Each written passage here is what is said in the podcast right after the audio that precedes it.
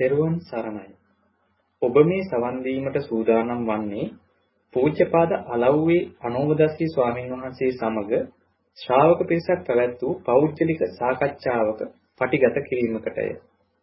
මෙය පෞද්ගලිකව පැවැත් වූ සාකච්ඡාවක් වුවද එහි සාකච්ඡා වන ධර්ම කරුණු ධර්මයේ සොයන බොහෝ දෙනාට ප්‍රයෝජනවත් වේ යන අදහසින් අන්තර්ජාලයට මුදා හැරෙන.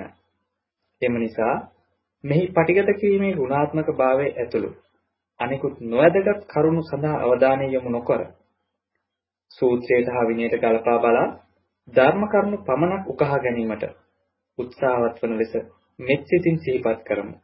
තෙරුවන් සරණයි. මොනවද ප්‍රශ්න තියෙන්නේ? මොකද මේ කතා කරන්නේ? පච්චසමුප්පාදේ සම්මතල කර්මයේ දෙදෙන්නේ කියන්නේ සම්මතල කරුණු හතරක් කියලා තමයි මට මතක නෑ එකක් එකක් කර්මය අනිත් එක සතර ආහාර කියලා. අවිද්‍යාව කම්ම කම්ම તો අවිද්‍යාව සංහා කර්ම ඒකේ ඒකනේ වඩාවක් තිබුණා. ඒ කර්මයේ දෙන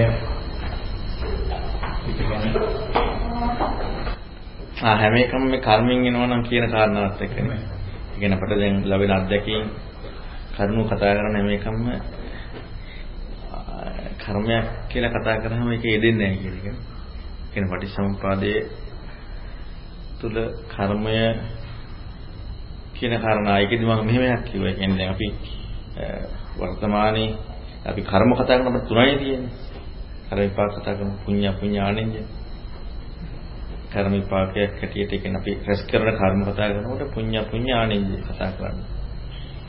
එතකොට ආනෙන්ජ කියලා කියන්නේ නොසැලෙන ගතිය සමාධියත් එක්කනේ කතා කරන්නේ.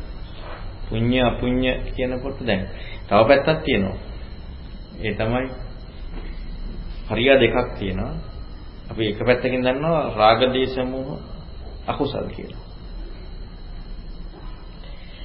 එතකොට දැන් මම අපි සරල උදාහරණයක් ගත්තොත් මම උදාහරණයක් ගත්තේ අපි වතුර එකක් බොනවා කියලා. වතුර එකක් බොනකොට අපට අර තියෙන පිපාසාව සංසිඳෙනවා. ඒ දුක් වේදනාවක් නැති වෙනවා. එතකොට එතන මොකක්ද තියෙන කර්මය?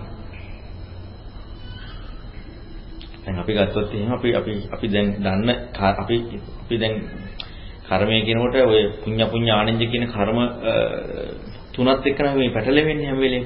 අපි අපි හිතනවා හැම වෙලේම මේ තුනේ එකක ක්‍රියාකාරීත්වයක් අපි කෙනෙක් ඒක තමයි කරන්නේ කියලා. මේ තුනෙන් එකක ක්‍රියාකාරීත්වයක් එක පුඤ්ඤ එක අපුඤ්ඤ එක ආනන්ද තියෙනවා කියලා. එතකොට එන අපු වතුර වීදුරුවක් අපි බොනකොට අපි පිපාසාව සංසිඳනවා. එතන පුඤ්ඤද තියෙන්නේ, අපුඤ්ඤ තියෙන්නේ, ආනන්ද තියෙන්නේ. ආනන්ද බුදුරණවහන්සේ කතා කරන්නේ සමාධියත් එක්ක. එතකොට දැන් එතන පුඤ්ඤ එකක්ද අපුඤ්ඤ එකක්ද? එකක් කතා කරන්නේ එතන බුදුරන් වහන්සේ අපිට පුජ්‍යලයක් නිර්මාණය වුණත් හැම වෙලෙම විපාකයේ කර්මයක් සකස් වෙනවා කියන්නේ බෑ. ඒ කියන්නේ පුඤ්ඤ පුඤ්ඤාණෙන්දී හැම වෙලෙම කතා කරන්න හැම වෙලෙම මේ විපාකයට සකස් වෙනවා කියලා කියන්න බෑ මේ පුජ්‍යලයක් සකස් වෙනවා. එහෙම වුණොත් ඒ කියන්නේ පුජ්‍යලයක් සකස් වෙද්දී පුඤ්ඤ පුඤ්ඤාණෙන්ජරි මොනවා එකක් වෙනවා කියලා කතා කරොත් අපි හැම වෙලෙම පින කියන කාරණාව කියමුලනේ. පින කියන එකත් කියමුලනේ. ආනන්දත් නැහැ. එතකොට අපිට එක පරයයකින් ගන්න වෙනවා අකුඤ්ඤ කියලානේ. ඒක අපිට තව අර්ථකථනයක් කරගන්න පුළුවන්. දැන් කෙනෙක් අපි තුමු දැන් ඒ ඒ ඒ ඒ අවස්ථාවේදී වතුර වතුර එකක් වතුර එකක් බොනකොට අපේ චේතනාව විපාස සංසිඳීම කියන අන්නේ සැපය කතා කරාම පුණ්‍ය නෙමෙයි එතන මෝහය තියෙනවනේ කතා කරන්න පුළුවන්. එතන සැප වේදනාවත් එක්ක දුක නැති දුක තියෙනකොට පටිකේ සැප තියෙනකොට රාගිනේ කතා කරන්න පුළුවන් කෙනෙක්. එහෙම කතා කරොත් එහෙම අපි ජීවත් වෙන හැම දෙයක්ම අකුසල. රහතන් වහන්සේට අකුසලයක් නැත්තේ. ඒ පරියයන් කතා කරොත් රාග දේශ මොහ නැත්තේ රහතන් වහන්සේ කරන්නේ. එහෙනම් රාග දේශ මොහ තියෙන ඔක්කොම දින කුසල. ඒ පරයෙන් කතා කරන්නේ. පිනක් කරත් පින පින තියෙන විතරක දේශමෝහයක් නේ. ඒතකොට ඒකත් අකුසල නෙමෙයි. ඇත් මොහෙන් මොහෙන් තොර පිනක් නෑ. එතකොට හැබැයි පින කරන තැනදී බුදුරණවහන්සේ ලෝභ දේශ මොහ කියලා වෙන පරයයක් කතා කරනවා. අකුසල් විවහාර කරනකොට ඒ ඒ පරයයක් කතා කරනවානේ. ඒ පරයයෙන් අකුසල් කතා කරනවා. නමුත් අපි රාගදේශ මොහ කියන අර මූලිකම කාරණාව එක්ක කතා කරන්න ගියොත් කියන්නේ රහතන් වහන්සේට ප්‍රහාණය වෙන රාගදේශ මොහ කියන එකත් එක්ක කතා කරන්න ගියොත් එහෙම මේ ලෝකේ රහත් නැති ඔක්කොම අකුසල ඉන්නේ. එහෙනම් එයා කවදා දුකින් නිදහස් වෙන්නේ නැහැ. සංචේතන සූත්‍රය බුදුරණවහන්සේ දේශනා කරනවා සංචේතන නෙමෙයි කරදකාය සූත්‍රය. දැන දැන කළ කර්ම විපාක නොවිත අවසන් වෙන්නේ නැහැ. ඉතින් එහෙනම් ජීවිතේ පැවැත්ම අකුසලයේ නම් එයා කවද රහත් වෙන්නේ? ඇයි ඒක විපාකේ ආයුධ වනෝනේ? ඒක විපාකේ ආයුධ වනෝනේ. දැන් හැමදාම රාග දේශ මොහ එක නම් ඉන්නේ. හැමදාම තියෙන්නේ විදවිල්ල. කවදාවත් නිදහස් වෙන්න බෑ. ඒ පරියයන් කතා කරනවා. හැබැයි අර ලෝකේ පරියයන් කතා කරොත් අන්න එතන ලෝභ දේශ මොහ කියන අකුසලයක් ගන්න පුළුවන්. කියන්නේ ලෝකේ පරියයන්. ඒක අර අපි දකින මේ මූලික රාග දේශ මොහ කියන එක දැන් අපි දස අකුසල කතා කරනකොට බුදුරණවහන්සේ රාගය කතා කරන්නේ විෂම රූපී අභිජ්ජාව. ඒකට ව්‍යාපාදේ. දැඩි තරහ. එහෙම නැතුව අර සාමාන්‍යයෙන් අපි කතා කරන රාග දේශ මොහ නැත්නම් අර මේ අපි මූලිකව කතා කරන පරිය කතා කරන්නේ අවිජ්ජාවත් විෂම ලෝභයත්. විෂම ලෝභයත් තරහවත්. අවිජ්ජාච ව්‍යාපාද. එහෙ දැන් එහෙම වුණොත් එහෙම කියන්නේ අපට මේ මේ විදවන හැම එකක්ම ඒ ඒ කර්මයේ කියලා කතා කරාම අර චිත්තායතන සූත්‍රයේ තියෙන ශ්‍රමණත්වයේ අදාළ නැහැ. ඒ ශ්‍රමණයෙක් වෙන්නේ වැඩපිළිවෙලකින් මේකෙන් ඈතර වෙන්න. ඉතින් කර්මයෙන් නම් මේක වෙන්නේ ශ්‍රමණේකට කරන්න දෙන්නේ. ඒ මේ කර්මයෙන් නම් සිද්ධ වෙන්නේ ශ්‍රමණේක් කියලා වැඩක් නැහැ. ඒ ශ්‍රමණේකට කරන්න දෙයක් නැහැ. ඒ කර්ම විපාක විඳ විඳ ඉවර වෙන්න තියෙන්නේ. අර නිගන්ඨයාගේ දෘෂ්ටියට යනවා. නිගන්ඨයත් විඳවල අවසන් කරන්නේ. කර්මයේ කියන කාරණාව අදාළ වෙන්නෙම ඒ කියන්නේ පුජ්‍යලයා බුදුරණස් දේශනා කරන්නේ පුඤ්ඤංචේ සංකාර අවිද්‍යාවගතයන් පුරුෂ පුද්ගලවනේ. ඒ කියන්නේ අවිද්‍යාසහගත පුජ්‍යලයාට එයාගේ චේතනාවත් එක්ක ඒ කියන්නේ එයා කුසල චේතනාවට යොමු කරොත් පුණ්‍ය අකුසල චේතනාවට යොමු කරොත් අපුණ්‍ය වෙනවා. නැත්නම් ආනන්ජයට යොමුකොට ආනන්ජ වෙනවා. එහෙම නොකර නොකර ඉන්න දැන් වර්තමානයේ පැවැත්ම අපි ධර්මයේ පොත පොත දිහා බලන් ඉන්නවා. පොත නැත්නම් මේ මේස දිහා බලන් ඉන්නවා. එතකොට පැවැත්මක් තියෙනවා. ඒ පැවැත්මත් චේතනාවක් තමයි. හැබැයි අර පුඤ්ඤ පුඤ්ඤානින්ජ කියන කාරණාවම නෙමෙයි. පුඤ්ඤ පුඤ්ඤානින්ජ කියන කාරණාව අපිට දැන් ආනින්ජ නම් අතහැරෙමු. මොකද ගොඩක් බුදුරහසනේ පුඤ්ඤ පුඤ්ඤනේ. ඒතර පුඤ්ඤ පුඤ්ඤ කියන කාරණාව ඔස්සේ තියෙන දේ ඒ එයා රැස් කරන දැන් මේ වතුර විදුරුවක් පූජා කරන්න ඉතනොත් ඔන්න පුණ්‍ය චේතනාව. වතුර විදුරුව දැක්කා ඔයාලා බීව කියලා. ඒක පුණ්‍ය හෝ අපුණ්‍ය හෝ අදාළ නැහැ. ඒ පූජා කරොත් පුණ්‍ය චේතනාව. මට බොන්න තියෙන දේ නෑ අමුදුරන්ට ඕනේ නෑ කියලා මේ මොකටද කියලා තරහෙන් මොකක් හරි ඔන්න අපුණ්‍ය චේතනාව. එතකොට ඒ ඒ ඒ ඒ කරන චේතනාවත් එක්කයි ඒක තියෙන්නේ.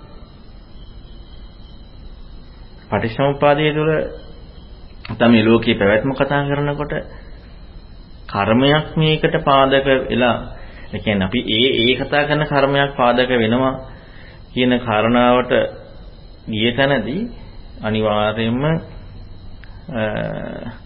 අපි මේ සසරේ ගමන් කරන පුජ්‍යලයක් ඉන්න පුජ්‍යලයක් අපි මේ ඒ මේ කියන්නේ ගැලවීමක් කියන්නේ ගැලවීමක් වෙන ප්‍රතිපදාවක් හම්බෙන්නේ නැහැ. එතන තියෙන්නෙම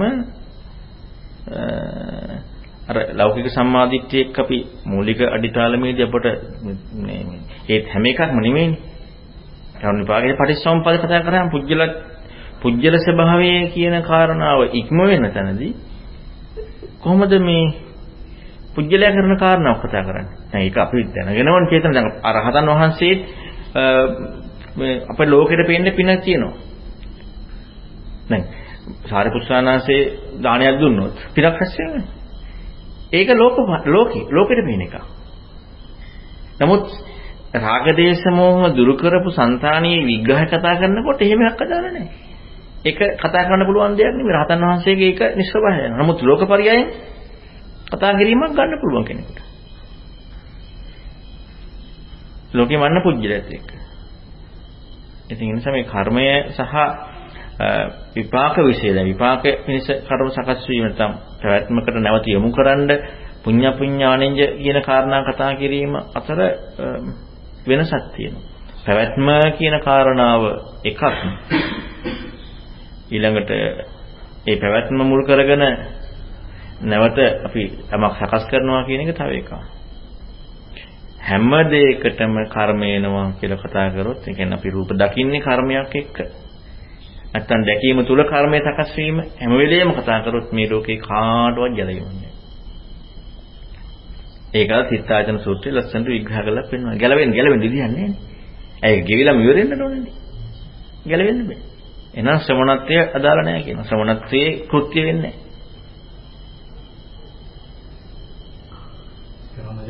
කරන දෙයක් නැහැ ඒතර ශ්‍රමණේ ශ්‍රමණ භාවයක් කියන්නේ. සමහරවිට ඊය ධර්මසාරච්ච මුත්තේ වගේ ප්‍රශ්නයක් කෙනෙක් අහලා ගියා අතින්දී මම කරපු කුසලයක් නැවත මෙහි කරන එක කුසල්ද අකුසල්ද කියලා.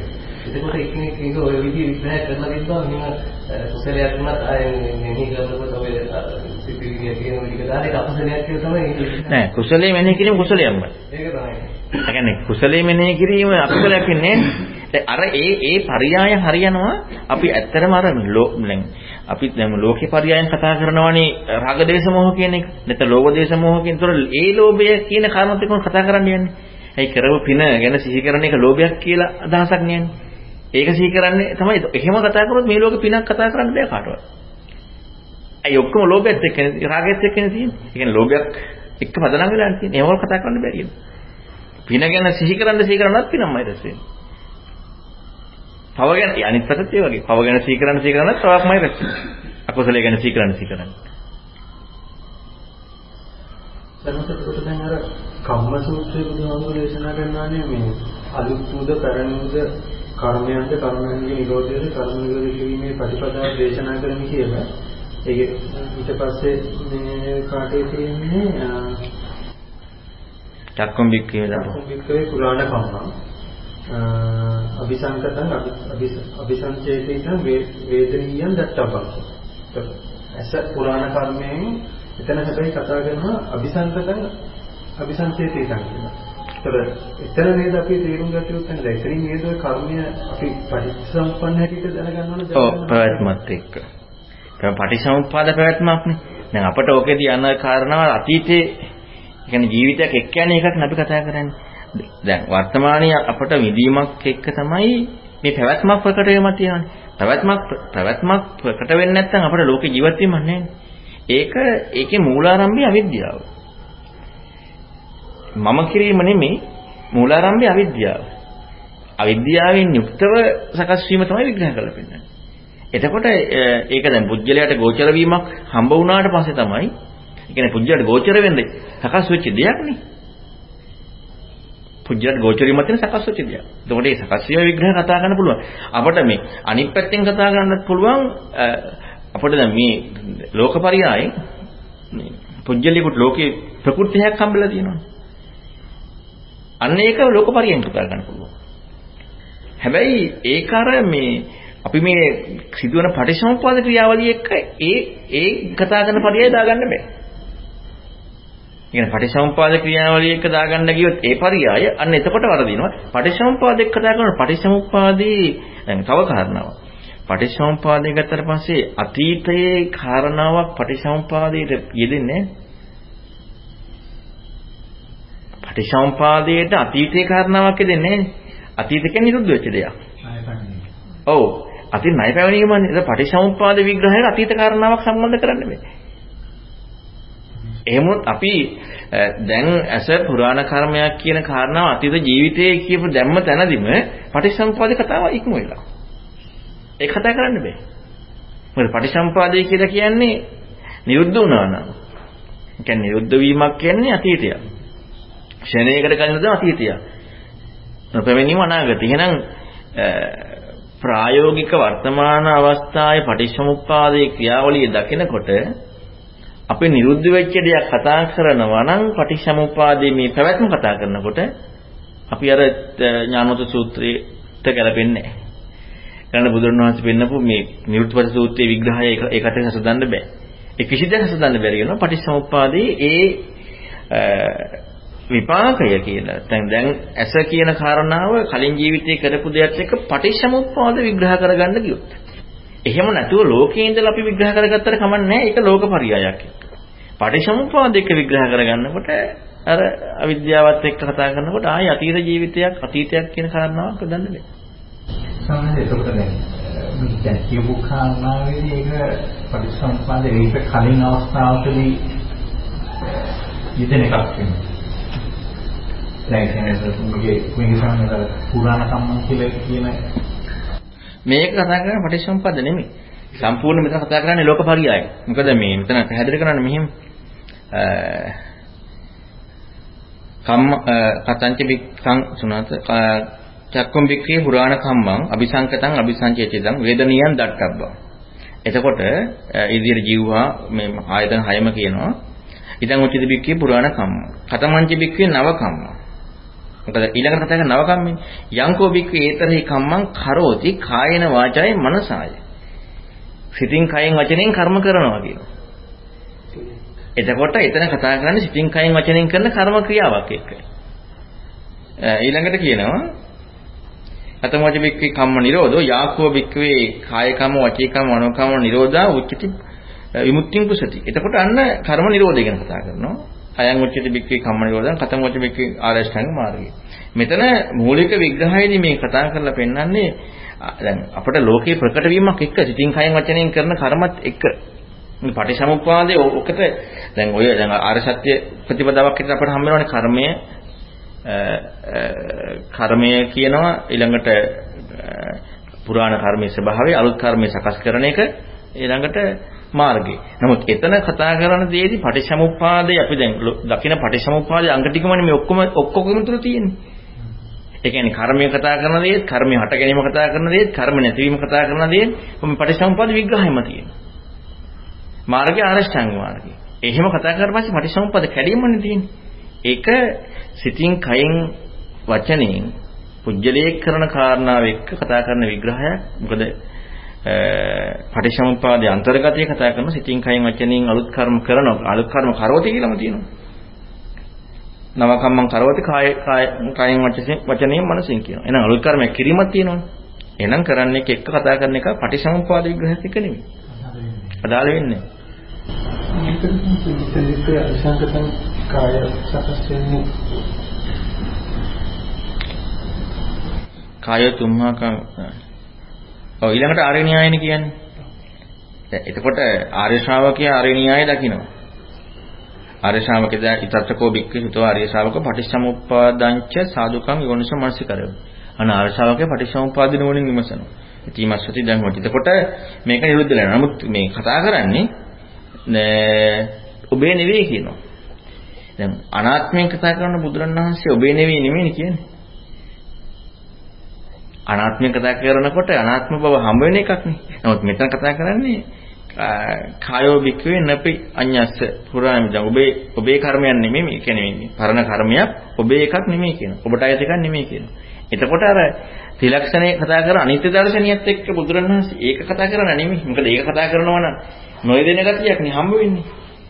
දැන් අයිතිකාරය පනවල ඔබේ නෙමෙයි කියලානේ කියන්නේ. එතකොට ඒක ලෝකේ මට්ටමින් කතා කරන දෙයක් තියෙන්නේ. හැබැයි ඊළඟට පටිසමුපාද ඊට පස්සේ පැහැදිලි කරන්නේ.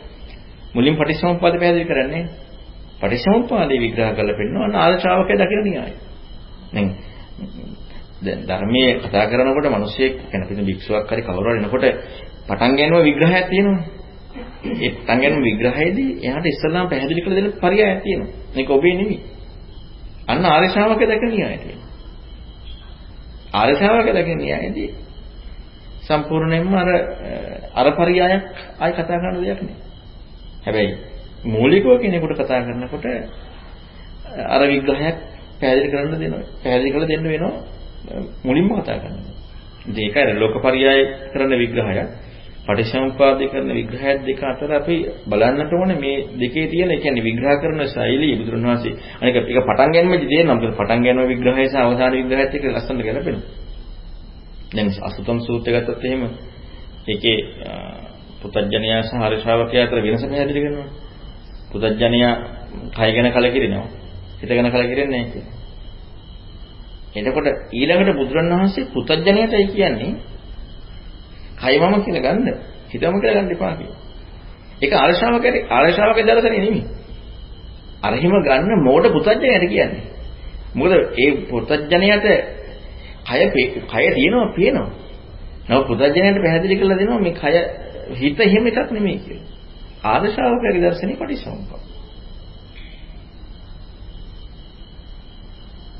පටිසමුප්පාදයේ කියන කාරණාව අර ඔය කියපු විග්‍රහයකින් තොරව දැන් අපිට බුදුරණවහන්සේට උනත් දැන් අපට අපට පුළුවන් යම් කිසි විග්‍රහයක් කරලා පෙන්වන්න අපට අයිති නෑ කියන කාරණාව නැත්නම් අපට අපට සාමාන්‍ය ලෝකේ තණ්හාවෙන් දුක හට ගන්නවා මේ ලෝකේ ප්‍රකටන දෙයක් අපට විස්තර කරලා දෙන්න පුළුවන්. යම් උදාහරණ අරගෙන. පටිච්චසමුප්පාදයට එහෙම විග්‍රහ කරලා දෙන්න බෑ. මොකද පටිච්චසමුප්පාදේ සමාතුල දකින්න එක. අරක ලෝකේ ලෝකේ එනවා කරන ලෝකේ විග්‍රහයක් අපට කරලා දෙන්න පුළුවන්. පටිච්චසමුප්පාද දර්ශන එහෙම විග්‍රහ කරන්න බෑ. එතන උදාහරණයක් අපි දැන් අර ඡන්දයෙන් මානසිකාරයෙන් විදින දැන් ඡන්දයෙන් මේ ගන්න අපි දැන් අරුණ ප්‍රකට වීමට මූලික වෙනවා. ඒ ඡන්දේ කොහොමද සාරගන්න? ඒක නම් හරි හොඳයි ප්‍රශ්නේ. ඡන්දේ ඡන්ද මූලක සම්පේ ධම්ම. මනසිකාර සම්භව සබ්බේ ධම්ම. පස සමුදය සබ්බේ ධම්ම. ඒතර සියලු ධර්මයන්. ඒතර අපි පස්ස කියනකොට නම් දන්නවා ආයතන පරිසම්පාදේ ස්පර්ශය තියෙනවා. ඇස රූප විඥාන එකතු වීම මේ ස්පර්ශයෙන් තමයි අපට හම්බෙලා තියෙන්නේ. මානසිකාරය කියනකොටත් අපි දන්නවා නාම රූප වල එහෙම මානසිකාර ක්‍රියාකාරීත්වය තියෙනවා. එතකොට ඡන්දය කියනකොට අපට දැන් මේ මේ කොහොමද ඡන්දික මුලින්ම තියෙන්නේ. ඡන්ද මූලක සබ්බිද. මානසිකාර සම්භව සබ්බිද. පස සමුදය සබ්බිද. ඡන්දය කියලා කතා කරනකොට අපි ගියොත් මගේ ඡන්දය. දැන් උතන ඔය සද්දය ඇහෙන්නේ. එතකොට ඔන්න අපට දැන් ඔක මගේ ඡන්දයකින් කියලා අපි ගියොත් එහෙම අපි මම නෙමෙයි කරන්නේ. ඔව් ඒතර පටිච්චසමුප්පාද බව නැහැ. දැන් මේක කතා කරන්නේ මේ ස්පර්ශයක් මේ ලෝකේ හටගන්න පදනම වෙන විග්‍රහයනේ. ලෝකේ හටගන්න, ඒ කියන්නේ ඇස රූප විඥාන, ඒ කියන්නේ කනට ඇහෙනවා කියන එක, ඇහැට පේනවා කියන එකේ පදනමනේ විග්‍රහ කරලා දෙන්න දන්නේ. එතකොට ඒකෙන් දැන් ස්පර්ශයෙන් හටගත්ත කියන එක අපට තේරෙනවා. දැන් ස්පර්ශයේ ඒකේ වැරද්ද මම අර කලින් එකේ පැහැදිලි කරන්නේ ස්පර්ශය අපි මේ තේරුම් ගන්න ඉන්න තුල වැරද්ද. ෂණික නිව ෂණික නිවනකට අපි ගිහිලා තියෙනවානේ. ඒ කියන්නේ ෂණික නිවනක් කියන දෘෂ්ටියකට ගිහිලා තියෙනවා මේ ස්පර්ශය තේරුම් ගන්න කියන කෝණෙත් එක්ක. එතකොට ඒ විග්‍රහයත් එක්කම අනිත් පැත්තෙන් බැලුවොත් මේ ස්පර්ශ සිදුවෙන්න අවශ්‍යයි මානසිකාරයයි ඡන්දයයි. මානසිකාරයත් මම කරන්නේ කියලා යන ගතියක් එක්ක පැහැදිලි කරන්නේ ඒක වැරදි කියලා. පටිසම්පාද එක දාගොත් ඒක ගැලපෙන්නේ. ඒක ඡන්දේ කවුද කරන්නේ? දැන් අපි දන්නවා ඡන්දය කියනකොට නම් අපට හැම වෙලෙම තමන් කැමැත්ත කියලාම යන්නේ. ඡන්දය කියනකොට අපට යන්නේම තමන් කැමැත්ත කියන කාරණා. එතකොට තමන්ගේ කැමැත්ත නම් අපට කැමති විදිහට නම් මේ අපි මේ අපට මේ මේ ආයතනක් මේ ක්‍රියාකාරීත්වය සිදුවන්නේ. ඒ කියන්නේ ඇහැට පේන එක, කනට ඇහෙන එක මේවා අපේ කැමැත්තට අනුව නම් මේක සිදුවන්නේ. ඉතින් අපේ කැමැත්තටම නැති කරන්න පුළුවන් වෙනවා. එතකොට නම් අපේ කැමැත්තට නම් හදන්නේ මේ සමන් කරන වැඩ පිළිවෙලක්. අනාත්මය කියන කාරණාව එදෙන්නේ. එතන දැන් අපිට මොකෙන් හොයාගෙන ගියත් හරි මේ දැන් හිතවල දහමත් එක්කනේ අපි මේක කතා කරන්නේ. පටිසම්පාදනය හම්බෙන්න ඕනේ. එහෙනම් අපිට මොකෙන් හොයාගෙන ගියත් ඡන්දෙරත් මූලාරම්භය හම්බෙන්න ඕනේ නේ. අවිද්‍යාව කියන්නේ. ඡන්දයට මූලාරම්භය අවිද්‍යාව කියලා හම්බුනේ නැත්නම් අපට මේ මේ මේ ඔක්කොම තියෙන දේවල් බවට පත් වෙනවා. මොකද අපි කලින් කරුණු ගොඩක් කතා කරන්නේ. මොකද අපි හැම වෙලෙම තියෙන දේවල් බලන්නේ. මට මට හම්බෙච්ච දේවල්. මේ ප්‍රායෝගිකව අවස්ථාව නෙමෙයි. මට හම්බෙන දෙයක් ඔස්සේ බලන්නේ. ඡන්දය කියනකොට මම මේ ඔකට ලස්සන තව කාරණාවක් කියන්නම්. බද්දේවත් සූත්‍රය තියෙනවා. අතීත නානවාගමයේ නප්පටිකම් කියනාගතන් ඔය ටික විග්‍රහ කරලා ඊළඟට රජදීතම් පංගිනන්තන් අපත්තං චනාගතන් පටිපන්නාං කියවදම තත්ත තත්ත ඉපස්සති. අසංහිරණ අසංකුප්පං තං විද්දාමන බ්‍රෝහේ සූත්‍ර හතරක් බදලා තියෙනවා. ඒකේ අතීතන් නානවාගමයේ කියන අතීත අනුව යන්නේ නැහැ කියන එකනේ. අනාගතයේ පතන්නේ නැහැ. එතකොට අතීතය අනුව යනවා කියන්නේ මොකද්ද කියන විග්‍රහ කරනවා. අපට අතීතය අනුව යනවා කියන විග්‍රහයේදී අපට හම්බ වෙන දේ තමයි අපි සාමාන්‍යයෙන් අර කාමයන් ඔස්සේ ලැබපු ආස්වාදයක් හිතන එක විතරනේ අපට හම්බෙන්නේ. අනාගතේ පතනවා කියනකොට අපට යන්නේ මොනවා හරි අනාගතේ පතනවා කියන එකනේ. එතකොට එතන බුදුරණවහන්සේ විග්‍රහ කරලා පෙන්වන කරුණු තියෙනවා අතීතයේ යනවා යනවා කියන කෙනේ මේ දේශනා හතරම ගත්තට පස්සේ එක සංක්ෂිප්තයක් ගන්න පුළුවන් දේ තමයි පංචපාස්කන්ධ ආයතනය කියන්නේ. ආයතන හැටියට ගත්තොත් අතීතයේ ආයතනය යනවා චන්දරාගී කියලා කියනවා. අතීතයේ රූපය යනවා අතීතයේ විඥානය යනවා. ඊළඟට අතීතයේ රූප වේදනා සංඥා සංකාර කියන පංචපාස්කන්ධය යනවා චන්දරාගයෙන් බැඳලා තියෙනවා.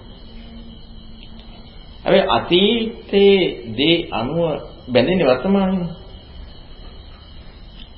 අතීතයේ දේ අනුව බැඳෙන්නේ වර්තමානයේ. අතීතයේ දේ අනුව බැඳලා තියෙනවා. එතකොට මේක කොහොමද මේ කියපු කාරණාව තේරුම් ගන්නේ? අනාගතයේ රූප වේදනා සංකාර විඥාන අනුව චන්දරාගෙන් බැඳලා තියෙනවා. ඔක බැඳෙන්නේ වර්තමානයේනේ. මේක කොහොමද අපි තේරුම් ගන්නේ?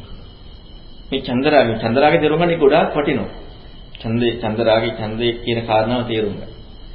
ඊළඟට බුදුරණවහන්සේ ප්‍රත්‍යুৎපන්නව දකින්න එකක් විග්‍රහ කරන්නේ නැහැ. ඔන්න ඒ සූත්‍ර කියන වැදගත්ම කාරණාව.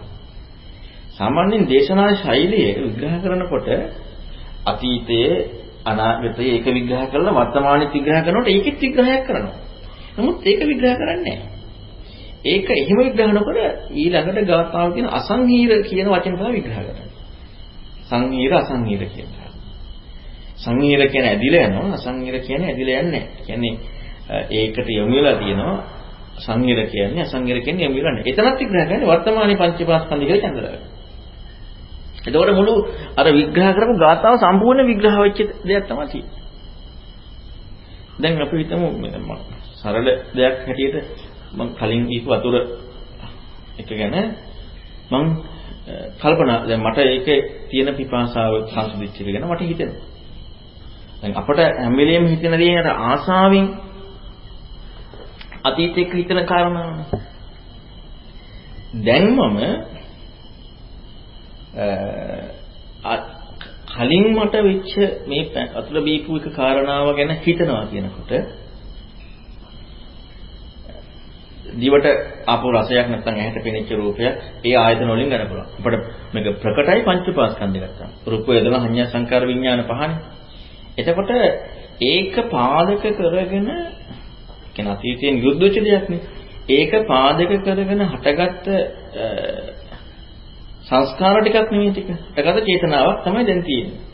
ඒක පාදක කරගෙන. ඉතින් අතීතයේ අතීතය තිබිච්ච නිසා නේද මේ ඉතින් අතීතයේ ඇහැ තිබුණ බව හම්බ වෙච්ච නිසා නේද මේ චේතනාවට හම්බෙලා තියෙන්නේ. ඡන්ද අතීතයේ ඇහැ රූප විඥාන තිබුණා කියලා හම්බෙච්ච නිසායි දැන් මම ඒක එක්කම යන්නේ මේ චේතනාවක් ක්‍රියාත්මක වෙනවා. අනාගතයේ තියනවා කියන කාරණාව එක්ක. දැන් එතකොට දැන් තියෙන්නේ මොකද්ද? දැන් තියෙනවා මනදම් මනෝවිඥානයේ තියනවා කියපු දෙයත් එක්ක තමයි දැන් අතීතය ගැන හිතන්නේ. කෙනෙකුට පුළුවන් හැබැයි ඒක ලොකු දියුණු කෙනෙකුට ඒ කියන්නේ සමතයෙන් ඇත්තටම ඒක ඒකත් උපේක්ෂාව. ඒ තමයි ඇස කන නාසය දිවකය ඉක්මවපු දෙයක් ඔස්සේ ගත්තාම යාට මේ කියන්නේ අතීතය සහ අනාගතය කියන දෙකම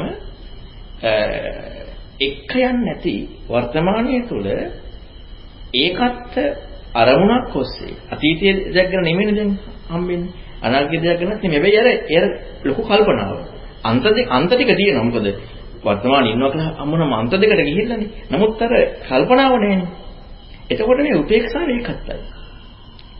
ඒකත්ව උපේක්ෂාව තුළ හැබැයි මනදම් මනෝවිඤ්ඤාණي ඇති බව චන්දරාගෙන් බැඳලා ගිහිල්ලානේ. ඒකත්ව උපේක්ෂාව තුළ මනදම් මනෝවිඤ්ඤාණي චන්දරාගෙන් බැඳලා ගිහිල්ලා. එතන ආය පංචපදනස්කන්ධ චේතනාව තුළ චන්දරාගෙන් බැඳලා ගිහිල්ලා. අන්න අසංහීර කියන ඇදලා කියලා. ඒ කියන්නේ ඒක හා ඒකේ බැසගෙන.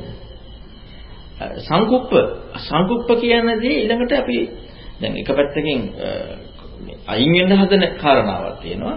දැන් ප්‍රායෝගිකව දැන් සංහිර කියන කාරණාව එක්ක විතර ගත්තාම මේ දැන් මේකට ඇදිලා ගිහිල්ලා. ඒ දැන් තියෙන දෙයට. හැබැයි අතීත අනාගත කියන දේ ඔස්සේ කල්පනාව නැහැ. අන්ත දෙක දුර වෙලා නෙමෙයි. වර්තමානයේ තියෙනවා නම් අතීත අනාගත අන්ත දෙක යාට පැනවෙලා ඉවරයි. නමුත් අතීත අනාගත කල්පනා නැතුව ඒකත් උපේක්ෂාවකට යොමු වෙලා ඉන්න පුළුවන්. ඒකත් උපේක්ෂාවක් විතර අර ආකාසානංචායතන, විඥානංචායතන, අභිඥායතන, නිවසඥාන ආසඤ්ඤායතන. ඔන්න ඔය ටික තමයි ඒකත් උපේක්ෂාව.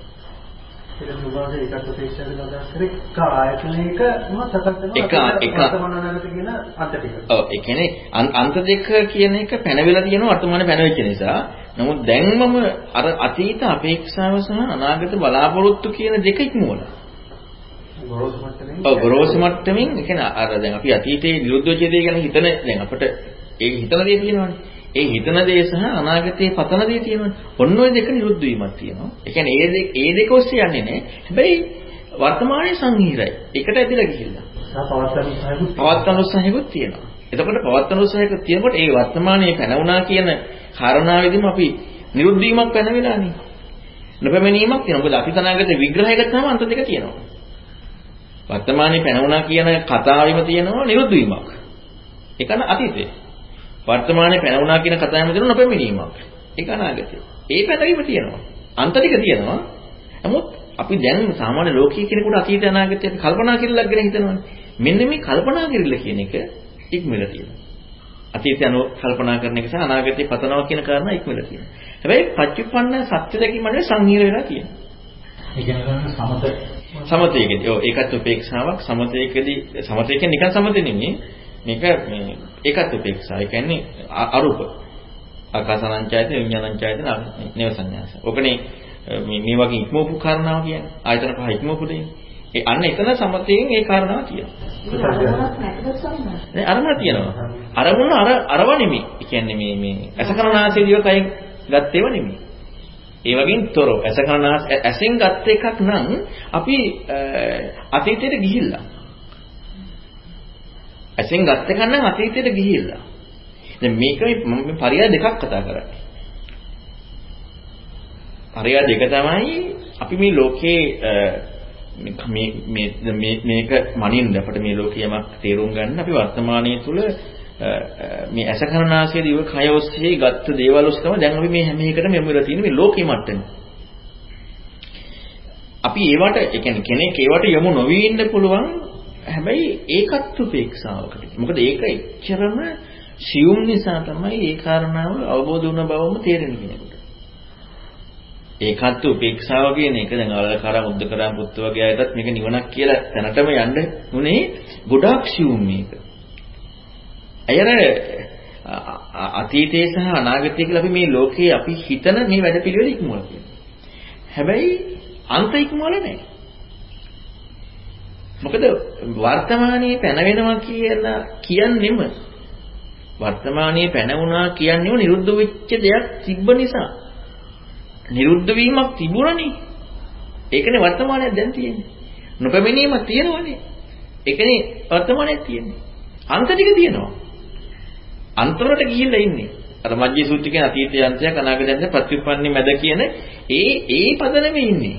අන්තවලට ගිහිල්ලා. නමුත් අතීතය ගැන කල්පනා කරන එක අතීත නිමිත්ත ගැන හිතන එක අනාගතේ පතන මෙන්න මේ කරුණු දෙක නෑ. ඒ කරුණු දෙක ඇතුව හැබැයි ප්‍රතිඋපන්නව සංහිරලා.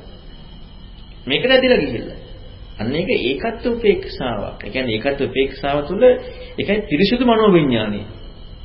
එතන කියන්නේ ත්‍රිසුදු මනෝවිඤ්ඤාණය දැනගන්නේ මොකද්ද කියලා නේ වේදාල සූත්‍රය. ඒ තමයි ආකාසානංචායතන විඥානංචායතන ආකාශඤ්ඤායතන නිවසඤ්ඤාන ආසඤ්ඤායතන. ඒක ඇස කරන නාසික කයින් ගත් එකක්. කියන්නේ මූලික පිරිසුදු මනෝවිඤ්ඤාණය කියන්නේ මේ මේකෙන් වෙන්ව පිරිසුදු මනෝවිඤ්ඤාණය නෙමෙයි මේකෙන් ඒ කියන්නේ මේ වගේ වෙන්ව දැනගන්නේ මොකද්ද කියලා අහනකොට කියන්නේ ඔය ආරූප සමාධිය ඒ කියන්නේ ඒකත් උපේක්ෂාව සිදුවෙන කාරණා දෙක. එතකොට ඔබේ මේ ඡන්දය කියන කාරණාව මම පැහැදිලි කරන්න ගත්තේ දැන් අපි ඉස්සලා මේ අර ඒකත් උපේක්ෂාවේ තුල ඡන්දය එයාට භව තණ්හා ඉබ තණ්හා කොහොමද තියෙනවා? මොකද ඒක කණීම තියෙනවනේ. කාම තණ්හාව නේ. පුජ්‍යලයක්ගේ තණ්හාව තමයි භව විභව තණ්හාවත් එක තියෙනවා. දැන් පටිච්චසමුප්පාද විග්‍රහ කරනකොට තියෙනවනේ පටිච්චසමුප්පාදේ තණ්හාවක්. පටිසම්පාදේ තණ්හාවක් විග්‍රහ කිරීමක් තියෙනවා. එතකොට ඒ සත්‍තුටින් පිළිගැනීම එතන විග්‍රහ කරන්නේ ඒ කියන්නේ ඇස රූප විඥාන කියලා හම්බ වීමත් එක්කන උපාදානිය තියෙන්නේ. ඒක ඇති වුණේ විද්‍යාවත් එක්ක. ඒ තණ්හාව කියන කාරණාව ඇති වුණේ අවිද්‍යාවත් එක්ක. අවිද්‍යාවකින් තොරව නෙමෙයි. එතකොට ඒ තණ්හාව පුජ්‍යලින්ද කරේ. ඒක පුජ්‍යලික කරපේක නෙමෙයි. පටිච්චසමුප්පාදේ විග්‍රහ කරලා දෙන තණ්හාව පුජ්‍යලික කරපේක නෙමෙයි. එතන තණ්හාව වේදනා ප්‍රත්‍යයෙන් හටගත්ත දෙයක්. එතකොට දැන් අර වේදනා තණ්හා ඒක තමයි. අවිද්‍යාව නිසා අවිද්‍යාව නිසා පටිච්චසමුප්පන්න බව කතා කරනකොට මම කරපු තණ්හාවක් නෙමෙයි. නෑ වේදනාවට තණ්හා නෑ එතන වේදනාවට තණ්හා කරනවා කියන්නේ ඒක මම ඒකත් මම කරන එකනේ. ඒ සැප දුක්ඛ දුක්ඛ වේදනාවත් එක්ක. දැන් මෙතන චක්කු සම්පස්සා වේදනාවත් එක්ක කතා කරාම එතන මම කරන දැන් ඇත්තටම හරියට ගත්තොත් සැප දුක්ඛ දුක්ඛම සුඛයටපත් වෙන්නේ ඔව් පුජ්‍යල සහ ඒකට නිපත් වෙන වේදනාව. වේදනාවෙන් ඒක හටගන්නේ නෑනේ. තණ්හාවෙන් ඒ වේදනාව හටගන්නේ. සැප දුක දුක්ඛම සුඛ. ඒ කියන්නේ සංකල්පමේ රාගය හටගන්නේ මගේ සංකල්පයක් නේ. ඒ කියන්නේ තණ්හාවෙන් තමයි ඒකට. නමුත් පටිච්චසමුප්පාදේ අනිත් පැත්තනේ. එතකොට එතන පැහැදිලි වෙන්නේ අසරූප විඥාන එකතු වීම කියන කාරණාව සතුටින් පිළිගත්තා. ඒ කියන්නේ පේන්න ඇහක් පේන්න ඇහක් දකින්න රූපයක් ඇති බව හම්බ වුණා. දැන් අර බස් එක සද්දය යන එනකොට ඇහෙන්න කනක් සහ සද්දයක් හම්බ වුණා. ඒ නිසා ඒක ඒ සද්දය හටගත්තා. ඒ ධර්මයේ කියන කාරණාව හම්බ වුණා. ඒ කනක් શબ્දයක් හම්බ වුණා. ඒක ඡන්දයෙන් හටගත්තේ. මගේ ඡන්දයෙන් නෙමෙයි. අවිද්‍යාව නිසා හටගත්ත ඡන්දය. ඒක ධර්මතාව. ඒක ඒක අර ධර්මතාව කියන්නේ ඒක මේ පටිච්චසමුප්පාද සත්‍යෙන් උපදින බව. සත්‍ය නොදැකීම කියන අවිද්‍යාව පදනම එක. ඒ අවිද්‍යාව අවිද්‍යාවත් එකනේ තණ්හාව තියෙන්නේ. දැන් මේ කතා කරන්නේ පටිච්චසමුප්පාදයේ රූප ශබ්ද ගන්ධ පොට්ටබ්බ ධම්ම තණ්හා කියන එකත් එක්ක. ඒක තමයි දේශන ස්ථානට ඒක වගේ එක සත්‍ය කියන එක ගත්තාම එතන ඒ හටගත්තේ ඡන්දයෙන් නම් ඒ ඡන්දයයි සත්සන්නහය අතර තියෙන සම්බන්ධය. එතන මගේ තන්න මගේ ඡන්දයක් නෙමෙයි නේද? එතන දැන් හටගත්ත ආයතන ආයතනයකට සාපේක්ෂව හටගත්තා ඔව්. කනට සාපේක්ෂව ශබ්ද තණ්හාවක් ඇති වුණා. ওই දෙක සම්බන්ධ කරන ওই දෙකේ මොකද කරන්නේ? ඒක ඉතින් විවහාර කරන්න වෙන්නේ එකත් එක්කනේ. ඒ කියන්නේ කනටනේ දැන් ඡන්දය ඡන්දය කියලා අපි හිතමු මහානජන සූත්‍රය ගත්තොත් එහෙම ඒ මහානජන සූත්‍රේ පරයයන් කතා කරාම ආයතන පරයයක් උඩට දාගන්නතු කොහොමත් අපි කියන්නේ ඒ ඒකත් එක්කනේ සුපසද්ද ගන්ධ ඒ ඡන්දේ කතා ගන්න තියෙන තණ්හාව කතා ගන්න එහෙනම් ඒ ඇසීම කියන කෘත්‍ය නිසා කියන්නේ ඒ වැඩේනේ වෙන්නේ අපව. ඒ කියන්නේ සද්දය කියන වැඩේනේ වෙන්නේ. එහෙනම් ඒකට දෙන නිර්වචනය වෙන්නේ කනට සද්දයක් ඇහුණා කියන එක සද්ද තණ්හාවක් එක්ක. ඇසීමේ කෘත්‍ය තණ්හාවට සම්බන්ධයි. නෑ ඒකට සද්ද තණ්හාව කියන්නේ කියන එක නෙවෙයි. නෑ එතන දැන් එතන ඡන්දය කියන එක එතනනේ. ඔව්. අවවාසේ සංදී මේ දේශනා කරා ඒ ඡන්දය පුද්ගලික ඡන්දයක් නෙමෙයි කියලා. හැබැයි පුද්ගලිකකින් තොරව ඡන්දයක් කතා කරන්න පුළුවන් කියලා ප්‍රශ්නයක් එනවා. ඒකෝට එහෙම නම් ඒකට සත්‍ය මොකක්ද? දැන් අපි මෙතනදි පරිච්ඡම්පාදය දැකලා නෑනේ. අර ඔය නෑ නෑ බස් එක සද්දේ කියන එක නෙමෙයි. දැන් බස් එක සද්දේ අපට හම්බෙලා තියෙනවා. නමුත් ඒක හම්බ වෙන්න පත්තේ වුණා ඡන්ද මූලක සබ්බේ ධම්ම මනසිකාර සම්භව සබ්බේ ධම්ම පස්ස සමුදය සබ්බේ ධම්ම වේදනා සමෝසරණ සබ්බේ ධම්මා කියන කාරණාව පදනම පදනම වෙලා තමයි අපට මේ බස් එක සද්දයක් වුණේ. එතකොට අර මූලිකව කියන්නේ අපිට දැන් මේ ඇහිම කියන කාරණාවදී අර පටිච්චසමුප්පාදයේ තුල විග්‍රහ වෙන තණ්හාව කියන්නේ කන සහ ශබ්දය ඇති බව හම්බ කන සහ ශබ්දය ඇති බව හම්බ ඇහැ සහ රූපය ඇති බව හම්බ ඇති බව හම්බ වීම දැන් එතන මම මේකට චන්දරාගෙන් බැඳිලා යනවා කියන කාරණාව නෙමෙයි කතා කරන්නේ රූප ශබ්ද ගන්ධ පොට්ටබ්බ තණ්හාස දැන් අපි ගත්තොත් සමාධි භාවනා සූත්‍රයේ සහ පුන්නමා සූත්‍රයේ යමකට චන්දරාගේ දේවල් උපාදාන. එහෙනම් උපාදානයේ නේ ප්‍රවත්ම හම්බෙලා තියෙන්නේ. අර ඇහැ රූප විඥාන ඇති බව හම්බුණානේ. ඇහැ රූප විඥාන ඇති ඇති බවක් කියන කාරණාව දැන් මේක අපි මේ කොච්චර විග්‍රහ කරන්න උත්සාහ කරත් අපි හැම වෙලේම මේ අපි තියෙන දෙයක් ඔස්සේම යන්න හදන්නේ. නමුත් අපට ඇහෙන යමක් තිබුණානේ.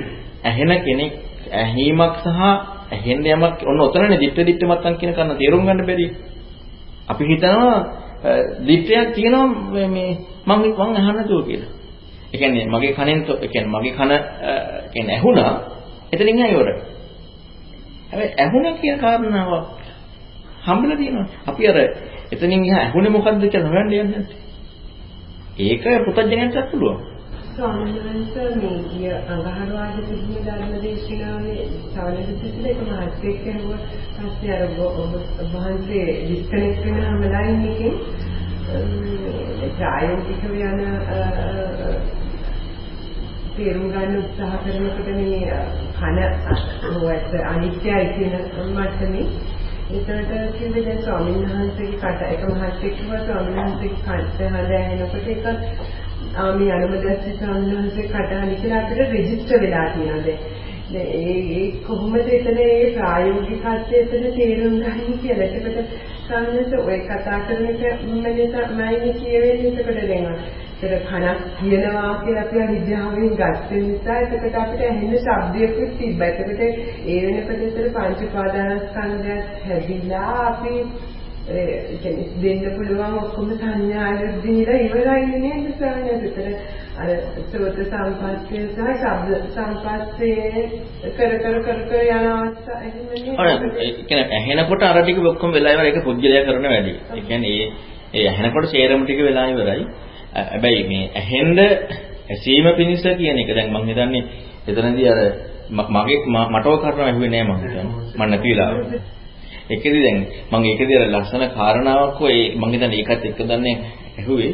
දැන් අපට මේ මේ මේ මේ ඇහැ කියලා අපි දාගන්න ඕනේ කාරණාව. කියන්නේ අපි අපි දාගන්නකොට මේ මොකද්ද නාම රූපයෙන් හටගත්ත ඇහැ මේක කියලා අපි දාගන්නවා. කියන්නේ මේක කියන්නේ මස්ගොලියක් නෙමෙයි. ඒ නාම රූපෙන් හටගත්ත ගහ මෙතනයි ක්‍රියාත්මක වෙන්නේ කියලා දාගන්න. දිව මෙතනයි කියලා. බුදුරණවහන්සේම කියලා නෑ කියලා. මම දැන් ඕකත් එක්ක වෙනදී කතාව යන්න ඇත්තේ. ඒ කියන්නේ ඒක ජීව විද්‍යාවේ ජීව විද්‍යාවේ නේ ඒක කියන්නේ බුදුරණවහන්සේ නෙමෙයි. මනස කොහෙද තියෙන්නේ කියලා සමහර මොලේ කියන වහන්සේ කිව්වෙත් ඔව් මේ මේවත් එක්කනේ ඒ කියන්නේ මේ ඔක්කොම ජීව විද්‍යාවනේ. ඒක බුදුරණවහන්සේ කියපු දෙය නෙමෙයි. එතකොට ඒකත් එක්ක තමයි ප්‍රශ්නේ යන්න ඇත්තේ. මොකද අපි අර හැම වෙලෙම අපි බලනවනේ මට ආයතන තේරුණා කියන කාරණාවට යන්න. මට ආයතන තේරුණා කියන කාරණාවට යන්න බලන නිසා ඊට පස්සේ අර අනිත් විග්‍රහය මොකක්ද බෙදා ගන්න. සංඥාවෙන් වන්තිව සංගෝස අපේදම. රස සම්දේ. රස සම්දේ සද්දේ. ඒකට අපේ මනසින් සූත්‍රයේ මොකද පැහැදිලි කරනවා මුලින්ම ඇස හටගත්තොත් චක්කු විඤ්ඤාණ හටගත්තොත් සත්‍ය අවිද්‍යාවට වෙලා ඒ ඉන්නේ. හරි දෙක සත්‍ය ඉදිරියට ප්‍රපංචාඥා දක්වා ගිහලා පස්සේ ඉදිරියට යනවා. ඒක නවත්තන්න බෑ. මේ සූත්‍රයේ අන්තිමට කියනවා ඇස නැති කල්ලි රූප නැති කල්ලි චක්කු විඤ්ඤාණය නැති කල්ලි ස්පර්ශය පැනෙන්නේ නැහැ කියලා.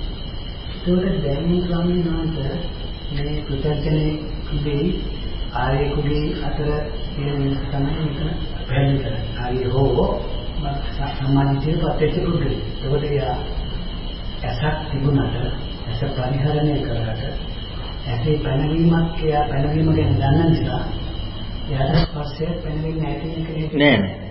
ඒක වැරදි. ඒ කියන්නේ ඇස දැන් අපි මම ඔක තමයි ඉස්ලාම කියන්න උත්සාහ කරේ ඇස කියන කාරණාව අපි කතා කරන්නේ මේ මේ කියන්නේ අපිට මේ පේන්න තියෙන දේත් එක්කනේ.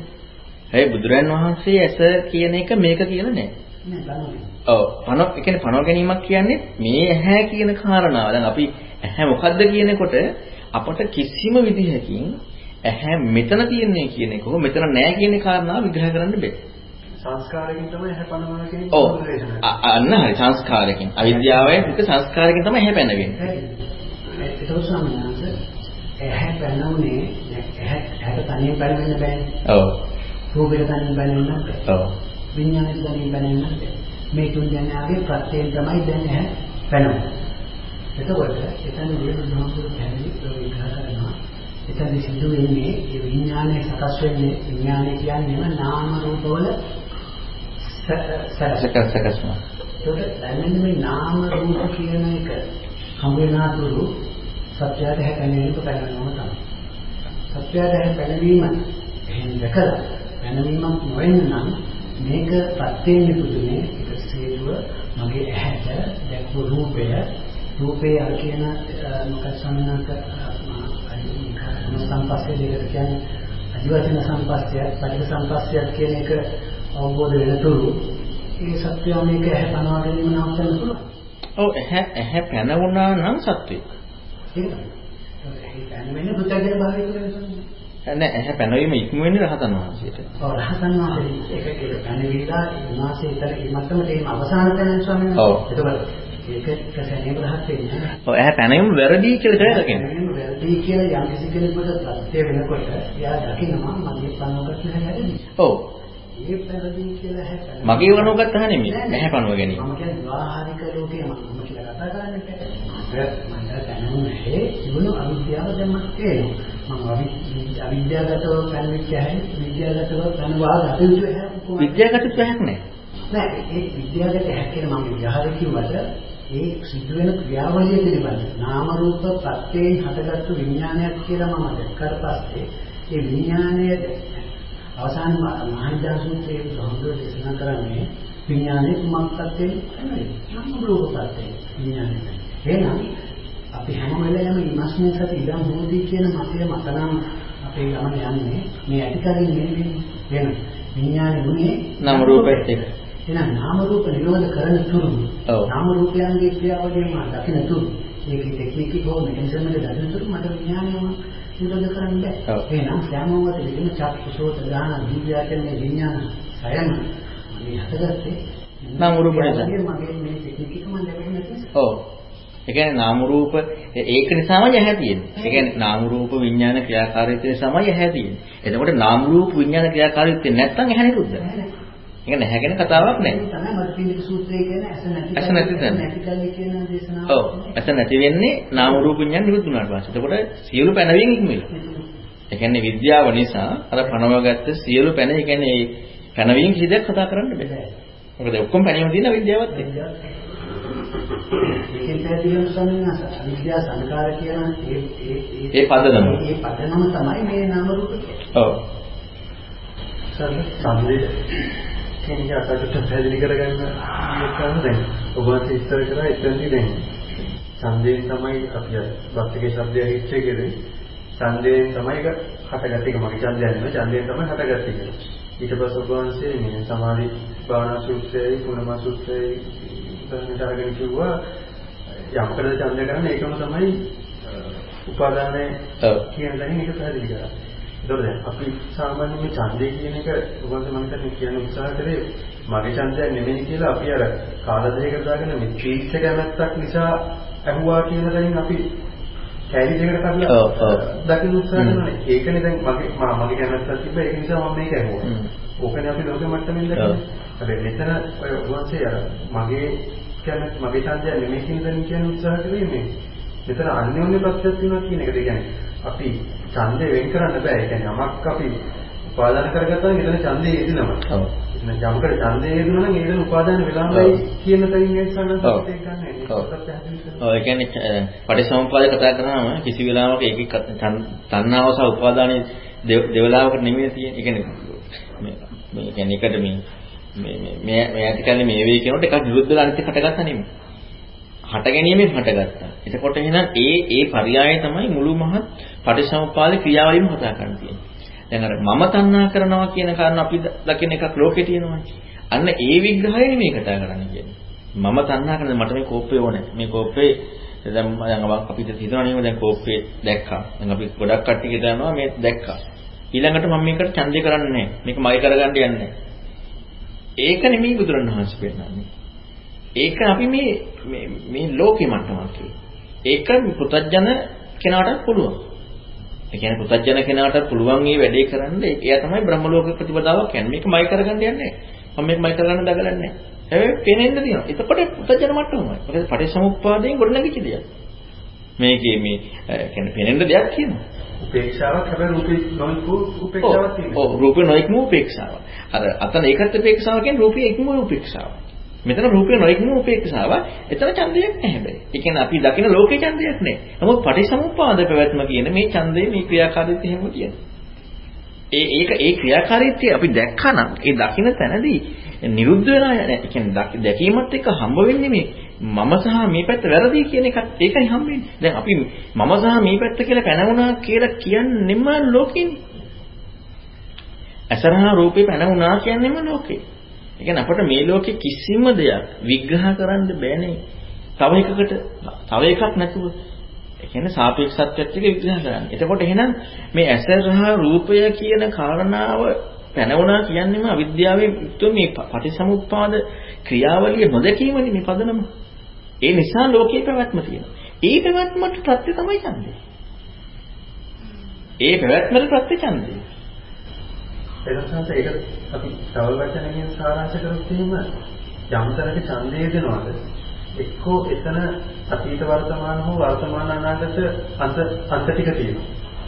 අපි අතීත අතීතයට කලබල වර්තමානයේ ඉන්නවා වර්තමානයේ ඉඳගෙන අනාගතයට යමක් මේව කරනවා නම් ඒක විපස්සනා ඡන්දය දෙනවා. ඔව්. ඔතනින් අපිට ඔබ සාරාංශ කරන්න පුළුවන්ද ඔය අවස්ථා සම්බන්ධ. කියන්නේ අනිවාර්යෙන් මේ කාලයට සම්බන්ධ අන්ත ටික සහ ඡන්දය අතර අන්‍යෝන්‍ය සම්බන්ධයක් තියෙනවා. ඒ කියන්නේ වර්තමානයේ ඡන්දේ තියෙන නිසා අතීත අනාගත කාල පැන වෙනවා. ඔව් අපි මුලින්ම පටන් දැන් ඡන්දයට හේතුව මොකක්ද කියලා දෙන්න ඡන්දයට හේතුව හොයාගෙන ගියාම ඡන්දයට තනින් හේතුවක් අපිට මෙන්න මේකයි කියලිවලා වෙන් කළ පනවන්න බෑ. ඒකෙත් අන්‍යෝන්‍ය අන්‍යමඤ්ඤ ස්වභාවයක් තියෙනවා. මෙතන කාලස්ත්‍රයේ ඉන්න පුද්ගලයෙකුට සාපේක්ෂයි ඡන්දේ. ඡන්දයට සාපේක්ෂයි කාලස්ත්‍රයේ ඉන්න පුද්ගලයා කියන තැනින් අපිට වෙන් ගන්න පුළුවන්. ඒ කියන්නේ නොදැකීමනේ. ඒ කියන්නේ නොදැකීමත් එක්ක කාලත්වයේ පැනවිලා එතකොට පැනවීමත් එක්ක තමයි මේ මේ මේක කතා කරන්න තියෙන්නේ. හැබැයි නොදැකීම. ඒක සත්‍ය නොදැකීම කියන කාරණාව එකයි කාලත්වයේ පැනවීම තියෙන්නේ. ඒ කාලත්වයේ පැනවීමත් එක්ක මේ පුජ්‍යල පැනවීම සියල්ලකම හම්බෙලා තියෙනවා. හැබැයි දැක්කනම් මේ කාරණාව අන්න එතකොට අර අර කි වැරද්ද හම්බ වෙනවා මිසක් ඉක්මවල නෑ. ඒ කියන්නේ එයාට හම්බ වෙන දේ තමයි මේ ක්‍රියාව. ඉන්නේ පටිච්චසමුපාදය න්‍යායකට පටිච්චසමුපාදය හම්බෙනවා. ආර්ය න්‍යාය නොදැකීම නිසා නරක සකස් වෙනවා. නොදැකීම නිසා සකස් වෙනවා. දැන් අපිට ලෝකේ ඊවහාරයේ තියෙන නොදැකීමත් එක්ක. නොදැකීමත් එක්ක. එතන ඡන්දය ඉදලා තියෙනවා. ඡන්දය ඉදලා තියෙනවා. දැන් මම අර ඒකම අරකින් මම කියන්න උත්සාහ කරේ දැන් අපි හිතමු ඇහැට පේන කාරණාව. මේ කෝපය. දැන් මේ කෝපය පිළිබඳව අපි දැන් මේ හිතන එක. එකක් වොන්න අපට ගන්න පුළුවන් මේක කාමයන් එක්ක හිතන එක. ඔන්න අතීතයේ ගියා කියලා. එක එක පැත්තක්. ඊළඟට මේ කෝපය පිළිබඳව කාමයකින් තොරව දැන් පේන දේත් එක්ක හිතන එක. ඒකත් අතීතයට ගියා. මොකද අතීතයට ගියා කියන්නේ අතීතය කියන්නේ නිරුද්ධ වෙච්ච දෙයක්. එතන අතීතයට කියන්නේ මේ මේ අතීතයන් නාන්නාගෙම එන්නේ නැහැ. නමුත් අනුව යනවා. අතීතේ අතීතේ නිරුද්ධයි. අපි අනුව යනවා. ඒක අනුව යනවා අතීතින් නිරුද්ධයි. අතක පතනවා. එතකොට ඊළඟට අපිට තව එකක් තියෙනවා. ඇහත් අනිත්‍යයි රූපයත් අනිත්‍යයි විඥානයත් අනිත්‍යයි. මේක නාම රූපයක් මේක විඥානය ඒ කරන්නේ මොකද්ද? ඇහත් තියෙනවා රූපයත් තියෙනවා විඥානයත් තියෙනවා. ඒකත් අතීතේ එදෙන් දැන් අතීතේ වෙන්නේ ඇයි ඒක? දැන් කරන්නේ මොකද්ද? දැන් මනින්නේ කරන්නේ? දැන් මන ධම්ම මනෝවිඥානය එක්ක දැන් කරන්නේ මොකද්ද? ඇහත් අනිත්‍යයි රූපයත් අනිත්‍යයි විඥානයත් අනිත්‍යයි. එතකොට ඇහත් තිබ්බ රූපයත් තිබ්බ විඥානයත් තිබ්බ ඒ ඒ තිබිලා ඒ අතීතෙට ගිහිල්ලා එතනත් අවිද්‍යාව කියන්නේ අතීතෙට ගිහිල්ලා. වර්තමාන ප්‍රතිඋප්පන්න අවස්ථාව තුළ සත්‍ය ප්‍රතිම වර්තමාන ප්‍රතිඋප්පන්න අවස්ථාව තුළදී යොමු වෙනවා කියන්නේ ඒක මේ විදර්ශනාවට කතා කරන්න බෑ ඒ පරිගා. ඒ කියන්නේ අතීතයේ කියන කාරණාවක් නැතුව අනාගතයේ කියන කාරණාවක් නැතුව වර්තමානයේ මේකෙන් බැස ගන්නවා ඉන්නවා කියන කාරණාව විදර්ශනා පැත්තක් කතා කරන්න. මොකද ඒක විදර්ශනාවට මේ වර්තමානයේ කියන කාරණාව දැකීමක් නේ හම්බෙන්නේ. නමුත් මේ විදර්ශනාව කරනවා කියන කාරණාදීම අතීතයේ අන්තයට ගිහිල්ලා. අතීතයේ අන්තය අනුව තමයි මේ යන්නේ. හැබැයි කරන්නේ විදර්ශනාව. හැබැයි අතීතයේ අන්තය. අතීතේ තිබ්බ. ඇහැ තිබ්බ, රූප තිබ්බ, විඤ්ඤාණ තිබ්බ. දැන් ඒක තමයි මේ කල්පනා කරන්නේ. ඒක කල්පනා කරනවා දැන්. නිරුද්ධ වෙච්ච දෙයක් පිළිබඳව. ඊට පස්සේ වර්තමානයේ හටගත්ත දේට සතුටින් පිළිගන්නවා කියනකොට මේ තියෙන දේ එතකොට අතීතයේ කිසි දෙයක් ඔස්සේ නෙමෙයි නම් තියෙන්නේ. අනාගත කිසි දෙයක් ඔස්සේ නෙමෙයි නේද? ඒ ඒ කියන්නේ අනාගතේ කතා කරන්න බෑ එතන අතීත විතරයි. මොකද අන්ත අන්තවලට යද්දි තමයි මේ අන්ත දෙකම කතා කරන්න පුළුවන්. අපි පැනීම කතා කරනකොට ලෝකේ අතීතයත් එක්ක නිමිත්තත් එක්ක මේ කතා කරන්නේ. ඒ ඒක නැතුව තමයි යසකරනාසි දිව කය කියන පැනීමෙන් ඉක්මවල දැන් දැන් අපි කතා කරන තැනදී අන්න අපි මේ අවස්ථාව තුළ දැන් මේ දේ ගැන අපි කල්පනා කරනවා. දැන් ඒ දේ ගැන හිතනවා. නැත්නම් අපි තුමු විශේෂයෙන් මේක හරිම දේ අරූප සමාධිය. ඒක හතරින් පිළි අරන්. ඒක හතරින් පිළි අරන්. ඒක ඔස්සේ ඉන්නේ. ඒ තුල ඉන්නේ. වර්තමානයේ සත්‍ය දකින්න තැනදී අන්න අනිත්‍ය භාවය හම්බ වෙනවා නම් වර්තමානීය තුල. ඇත්තටම අනිත්‍ය භාවය වර්තමානයේ තුල හම්බ වෙනවා නම්. දැන් අපි මේ මේ අපි මේ කල්පනා කරන ඔක්කොම මේ හැබැයි මේව මේ කියන්නේ මේ එකක්වත් එපා නෙමෙයි කරන්නේ. මොකද මේව කරන්න නැත්නම් අපිට කවදාවත් මේ මේ කරා එන්න බෑ. හැබැයි මේ මේ රැවටින්න. කියන්නේ මුලාව කියන කාරණා. අපි මුලා වෙනවා අර මේ එක එක දේවල් අපිට මේ අවබෝධ වෙනවා කියලා මුලාවකටපත් වෙන එක වළක්වන්නේ. වර්තමානයේ අවබෝධය කියලා කියනකොට ඇත්තටම සිදුවන්නේ මේ දැන් සකස් වෙන ක්‍රියාවලිය දැක්කොත් ඒ කියන්නේ චේතනාවන්නේ දැන් සිදුවන්නේ පංචපාස්කන්ධයන්නේ සිදුවන්නේ චේතනාවන්නේ එතකොට නම් මේ චේතනාව හමු වෙන්න ඕනේ නේද හේතුඵලයෙන් හටගත්තා කියලා හේතුඵලයෙන් හටගත්ත චේතනාවේ ස්වභාවය මොකද්ද කිසිල වලටවත් හේතුඵලයෙන් හටගත්ත චේතනාවේ ස්වභාවය කෙසෙල් නරටුවක් වගේ. කෙසෙල් නරටුවක් වගේ දැක්ක තැනදී ඒකේ හරයක් නෑ. දැන් අපි මේ ඔක්කොම හරයක් නෑ මේක මේවා කියලා හිතන චේතනාව හරවක් නේ. දැන් මේක ඇසෙන් කරන්නේ නාසයෙන් දිවේ මේ මේක අනිත්‍ය දුක අනාත්මයි ඊළඟට මනසෙන් අනිත්‍ය දැන් අපි පටිච්චසමුප්පාදයේ අංග හැම එකක්ම කල්පනා කරා. පරිසම්පාදන නාම රූප කල්පනා කරනවා විඤ්ඤාණ කල්පනා කරනවා මේ හැම එකක්ම කල්පනා කරන දැන් චේතනාව අපේ ඒ කල්පනාව හරිනේ. දැන් අපි හිතන්න මේ ඇහැට පේන රූපේ පිළිබඳව හරි මනට එන අරමුණ පිළිබඳව හරි අපි දැන් අපට මේක මේක නාම රූප මේක විඥාන මේක අවිද්‍යාව මෙහිම තමයි මේක ක්‍රියා වෙන්නේ කියලා දැන් අපට කල්පනා කරන මේ ක්‍රියාව හරිනේ. ඒක හරි කියලා හමුනේ චේතනාවකටනේ. දැන් ඒක හරිනම් ඒක අර්ථවත් නම් චේතනාව මොකද දැන්? කෙසෙල් අරටුවක් නෙමෙයි. ඒක හරයක්. ඒ කියන්නේ දැන් අපට හම්බුණා නම් කොයි හරි ක්‍රමයකට ඒකයි මේ ප්‍රත්‍යুৎপন্ন සක්කාදිට්ඨිය දුරු කරන දෙයක් වෙන්නේ. ප්‍රත්‍යুৎপন্ন සක්කාදිට්ඨිය දුරු වීම දැන් ඇත්තටම මම අර මේ ළඟදී කිව්ව එක එදත් කිව්වි බුදුරණවහන්සේගේ ධර්මයේ මේක නිරවුල් කරගන්න එක නෙමෙයි. විශයක් නෙමෙයි. ඒ කියන්නේ පටිච්චසමුප්පාදේ මොකද්ද කියලා මේක ගැළපීමක් නෙමෙයි ධර්මයේ කියන්නේ. පංචමාස්කන්ධ මොකද්ද කියලා ගලපලා තේරුම් ගැනීමක් නෙමෙයි. මේක තේරෙන තැනදී නිවන් මාර්ගක් හම්බෙන්නට ඕනේ. නිවන් මාර්ග තුල මූලාරම්භයේම සක්කාය දිට්ඨිය දුරු වීම. සක්කාය දිට්ඨිය දුරු වෙන මාර්ගයේ සක්කාය දිට්ඨිය දුරු වෙන ප්‍රතිපදාවක් හම්බෙන්න ඕනේ සද්ධානුසාරින්. එහෙනම් ධර්මයේ මුල් තැනට යන තැනදීම හම්බෙන්න ඕනේ ප්‍රායෝගිකව සක්කාය දිට්ඨිය දුරු වෙන ප්‍රතිපදාවක්. ඒ කියන්නේ බුදුරණවහන්සේගේ ධර්මයේ නිවන් මඟ කියලා දෙන්නේ පංචපාස්කන්ධය ගැන කියන්නේ පටිසමුප්පාදය ගැන කියන වචන ටික ඔස්සේ අපි නිරවුල් කර ගැනීමකට නෙවෙයි ඒ තුලින් නිවන් මඟ හම්බෙන්නේ. නිවන් මඟ හම්බෙනවා නම් නිවන් මඟේ මූලාරම්භයේම සක්කාය දිට්ඨිය ප්‍රහාණය. සක්කාය දිට්ඨිය ප්‍රහාණයේ මූලාරම්භයේ සද්ධානුසාරී සක්කාය දිට්ඨිය ප්‍රහාණය කරන මඟ. එහෙනම් සක්කාය දිට්ඨිය ප්‍රහාණය කරන මඟ ඒ ලකුණ හම්බෙනවා සත්‍යානුසාරී බවදී. ඒකෙදී අපි රූපයත් අතහැරලා මොකද අපිට ප්‍රකට හැම එකම චේතනාවත් එක්කනේ. එහෙනම් මොකද පැවැත්ම කතා කරන චේතනාවත් එක්ක නම් කර්මය කතා කරන ඒ ඔක්කොම චේතනා එහෙනම් චේතනාව හරසුණු කියන හම්බෙන්න ඕනේ ප්‍රත්‍යুৎপন্ন චේතනාව. සිරිසෝන්දේ එතනදී මට හිතෙනවා වහන්සේ කියන්නේ අපිට එතනදී ඒ චේතනාවත් එක්ක මන ධම්ම මනෝ විඥාන කියන සම්පස්සේ නම් ඒකත් ස්පර්ශය ඒකත් ස්පර්ශය ඒකත් ස්පර්ශය ඒකනේ ඒකනේ ඒකෙදි වෙන්නේ අපට ප්‍රතිපදාව එන්නට ඕනනේ. දැන් අපි යමක් කල්පනා කරනවා. ප්‍රතිපදාවේදී එන්නේ සක්කාදිටි ප්‍රහාණියවනේ. දැන් අපි කල්පනා කරන ක්‍රමී කියන්නේ අන්න ධර්මයට ලකුණක් හටනවා කියන්නේ ඒකයි. ධර්මයේ ඒ කාරණා බුදුරණවහන්සේගේ විග්‍රහයට විතරක් ලකුණක් හැටෙන තැනදී අපි එතකොට දැන් බුදුරණවහන්සේ කියපු දෙයක් එක කල්පනා කරන්න පටන් ගන්න. කල්පනා කරන්න පටන් ගන්න තැනදීම හරියට කල්පනා කරද්දී මම හිතන් හිටපු ඔක්කොම වැරදි කියලා හම්බෙච්ච එක තමයි ඉස්ලාම් මාර්ගය යන්නේ. ඒ කියන්නේ ධර්මයේ කල්පනා කරන්න ධර්මයට යොමු වෙච්ච යන්න තැනදී ප්‍රත්‍යක්ෂයක් වෙන්නට ඕනේ මම හිතන් හිටපු ඔක්කොම වැරදි කියලා. ඒ එතකොට ප්‍රායෝගිකවම පංච චේතනා වැරදි කියලා හම්බෙලානේ. දැන් චේතනාව මට මේ ඔක්කොම හම්බුනේ. මට මේ සියල්ලක් හම්බුනේ චේතනාවෙන්. දැන් චේතනාව වැරදි කියලා හම්බෙන්න ඕනේ නැත්තේ. චේතනාව වැරදි කියලා හම්බෙන්නට නම් අපි දැන් අර ඔක්කොම අපි දන්නවා කාමයන් වැරදි. අරව වැරදි. ඒ සේරම දැන් අපි වැරදි කියලා දන්නවා. දැන් වැරදි දැන් අපි හරි කියලා දන්නේ මොකද්ද? ධර්මයේනේ. ධර්මයේ කියලා නෙමෙයි ඇත්තටම හරි කියලා දන්නේ ධර්මයේ කියලා අපි අල්ලගත්ත ටික. ධර්මයේ කියලා අල්ලගත්ත ටික හරි කියලා දන්නේ. එතකොට එහෙනම් දැන් ඔන්න අපට දැන් ඒ ටික හරි වෙලා. අර ඔක්කොම දැන් වැරදි.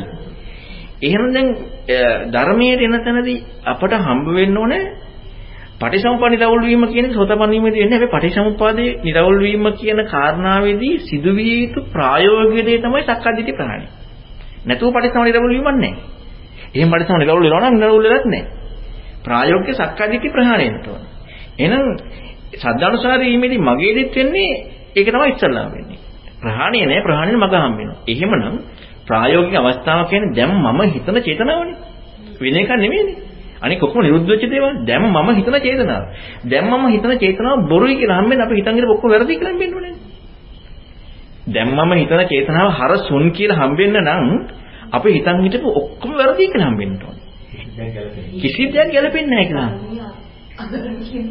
ඔව් ඒ කියන්නේ ඒක තමයි පටන් ගන්නවා. ඒ කියන්නේ ඒ කියන්නේ ප්‍රායෝගික මම තුල හටගත්ත චේතනාව සම්පූර්ණයෙන්ම කියන්නේ දැන් චේතනාව.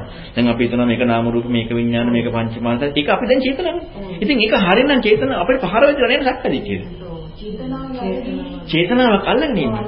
එහෙනම් සක්කාදිටිය පහර වෙදලා නැහැ. සක්කාදිටියන් ප්‍රතිපදාවම වෙලත් නැහැ. ඒ චේතනාව මම අල්ලගෙන. එහෙනම් අපට හරියටම ධර්මයට යන තැනදී සිදුවිය යුතු දේ තමයි ඒකයි මම නිතර පොළ පුණාම කියන්නේ කිසිතු ඉස්පිල්ලක් වෙනස් කරන්න බෑ මේ ධර්මයේ. අපි තේරුම් ගත්ත දේ පොඩ්ඩක් හරි වෙනස්. මේහෙන් කියන කාරණාව අපි මේහෙන් මස් නැහැ නෙමෙයි මේක නාම රූපයෙන් ඇහැ කිව්වා. මේ රූපය කියලා ගත්තාම මේ රූපය දැන් අපිට මේක ගත්තාට පස්සේ තව විග්‍රහ ගොඩක් තියෙනවානේ. මේක කොටා කොටස් වලට බෙදලා මොකක් හරි මේ තියෙන බුදුරණවහන්සේ නොකියව තව තියෙන දෙයක්. එතකොට අපිට බුදුරණවහන්සේගේ ධර්මයේ ඇහෙන්න ඇහෙන්න ඒක ඇහෙනකොට මෙතන වරදින්නට ඕනේ. මෙතන වැරදි කියන්නේ කල්පනාවකින් වැරදි නෙවෙයි ප්‍රායෝගික අවස්ථාව. දැන් චේතනාව. මේ අවස්ථාවේ චේතනාව. මේ අවස්ථාවේ මා තුළ චේතනාවකින් යම නිරවුල් කරගත්තේ. ඒ නිරවුල් කර ගැනීම වැරදි බව ඉස්සල්ලාම හම්බ වෙනවා ධර්මයේ මූලාරම්භයම. අන්න සක්කාය දිට්ඨිය චේතනාව මම කියලා ගැනීම වැරදි කියලා හම්බුණා චේතනාව හරසොන් කියලා දැක්මක්. පටන් ගන්නේ. ඊළඟට ඒ ඒක ඔස්සේ යනකොට ආයෙත් තේරෙනවා යම් කිසි දෙයක්. බුදුරණාහි දේශනා කරන අමෝස ධම්ම නිබ්බාන නිවන විතරයි මුසාවක් වෙන්නේ නැත්තේ. එහෙනම් අපි යන ප්‍රතිපදාවේදී අපි ඉස්සල්ලාම මොන තේරුම් ගත්තා කාරණාව. දැන් දැන් අපි දරන්නේ කාමයේ ගත්තාම කාමයේ වැරදි. ඊට වඩා අපි දැන් ශ්‍රේෂ්ඨයිනේ. කාමයේ වැරදි කාමයන් තියෙන ඉස්කාර බවක් දැක්කා. ඊළඟට හැබැයි ඒක දැක්කා පුතඥන අයත් දකින්න පුතඥන අනිත් ප්‍රතිපදාවක් දකින්නවා. ඊළඟට තව දැන් අපි වුණ පරිසම්පාදේ කියලා දේකුත් අපි දැන් දන්නවා.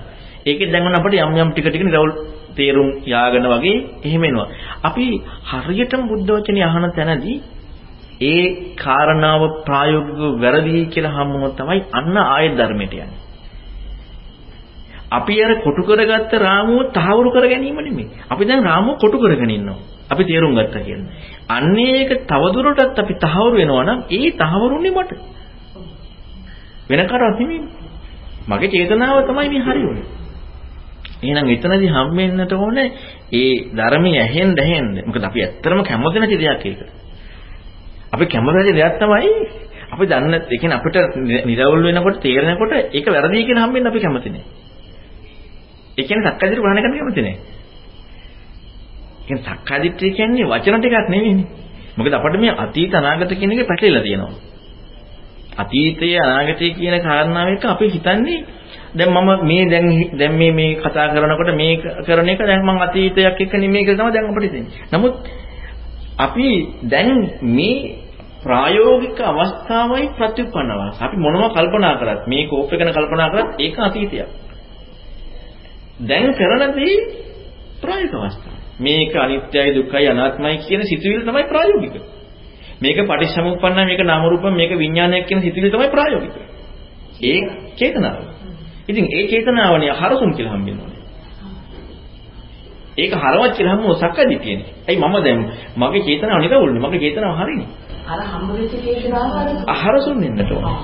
දැන් හම්බ එතනදී මටනේ හිතෙන්නේ චේතනාවකින් මටනේ අවබෝධ වුණ දැන් මම ඕක වගේම අසුන් දෙයක් නමුත් චේතනාවක් කියන එක තියෙනවා මම මම නම් චේතනාවට කඩින් බැඳිලා නේද චේතනාවට බැඳලා තියෙන්නේ. ඒ ඒකට මේක චේතනාවට බැඳලා ගන්න චේතනාවට චේතනාව බුදුරණවහන්සේ උදාහරණ දෙන්නේ කෙසෙල් අරටුවක් කියලා. ඉතින් කෙසෙල් අරටුවක් දැක්කම කදින් බැලිනව කතා කරන්න දෙයක් නැහැ. අපි කවදා හරි කවුරු හරි මෙතන ඉන්න කෙනෙක් ඉන්නවද මට අරටුවක් හොයන්න ඕන කියලා කෙහෙල් ගහ පතුරු ගහන්න යන කෙනෙක්. කවුරු හරි කවුරු ඉන්නවද? කිසි කෙනෙක් නැහැ. මට දැන් හොඳ උළුවසක් හදාගෙන අරටුවක් ගන්න ඕනේ. මම දැන් ගිහිල්ලා කෙහෙල් ගහ පතුරු පතුරු ගහනවා. කවුරුත් කරන්නේ ඉතින් අපි චේතනාව දන්නේ චේතනාව බැඳෙන්න දෙයක් නැහැ. අපි අපි හරියට කරන වැඩේ අපි අර කෙසෙල් ගහේ අරටුවක් හොයනවා වගේ වැඩක්. හරස අපි ඒක දැක්කේ නැහැ. දැක්කනම් ඒක කරන්නේ අන්නේදී දැකීම තමයි සක්කාදිට්ඨි ප්‍රහාණය මාර්ගය. හැබැයි මේ අපි මේ අතීත අනාගත එකනේ ප්‍රතිඋපන්න දෙය. වර්තමානයේ මේ අවස්ථාව තුළ දැන් බුදුරණවහන්සේගේ ධර්මය අපි හැමෝම දන්නවනේ ප්‍රායෝගික වර්තමාන දෙයකට කියන්නේ. බුදුරණවහන්සේගේ ධර්මයේ ප්‍රායෝගික වර්තමාන දෙයකට. නිරුද්ධ වෙච්ච දෙයක් නොපෙනෙච්ච දෙයක් නෙමෙයි. එහෙනම් අපි බලන්න ඕනේ පටිච්චසමුප්පාද මොකක් එක්කද? ප්‍රායෝගික වර්තමාන එකක අපි මේ මේ ගැන කල්පනා කරනකොට කල්පනා කරන්නේ ප්‍රායෝගිකද? එතකොට මේ ප්‍රායෝගික අවස්ථාවෙන් චේතනාව හරසොත් හම්බෙන්න ඕනේ නැත්තේ. ඒක හරසොත් කියලා හම්බෙන්න ඕනේ.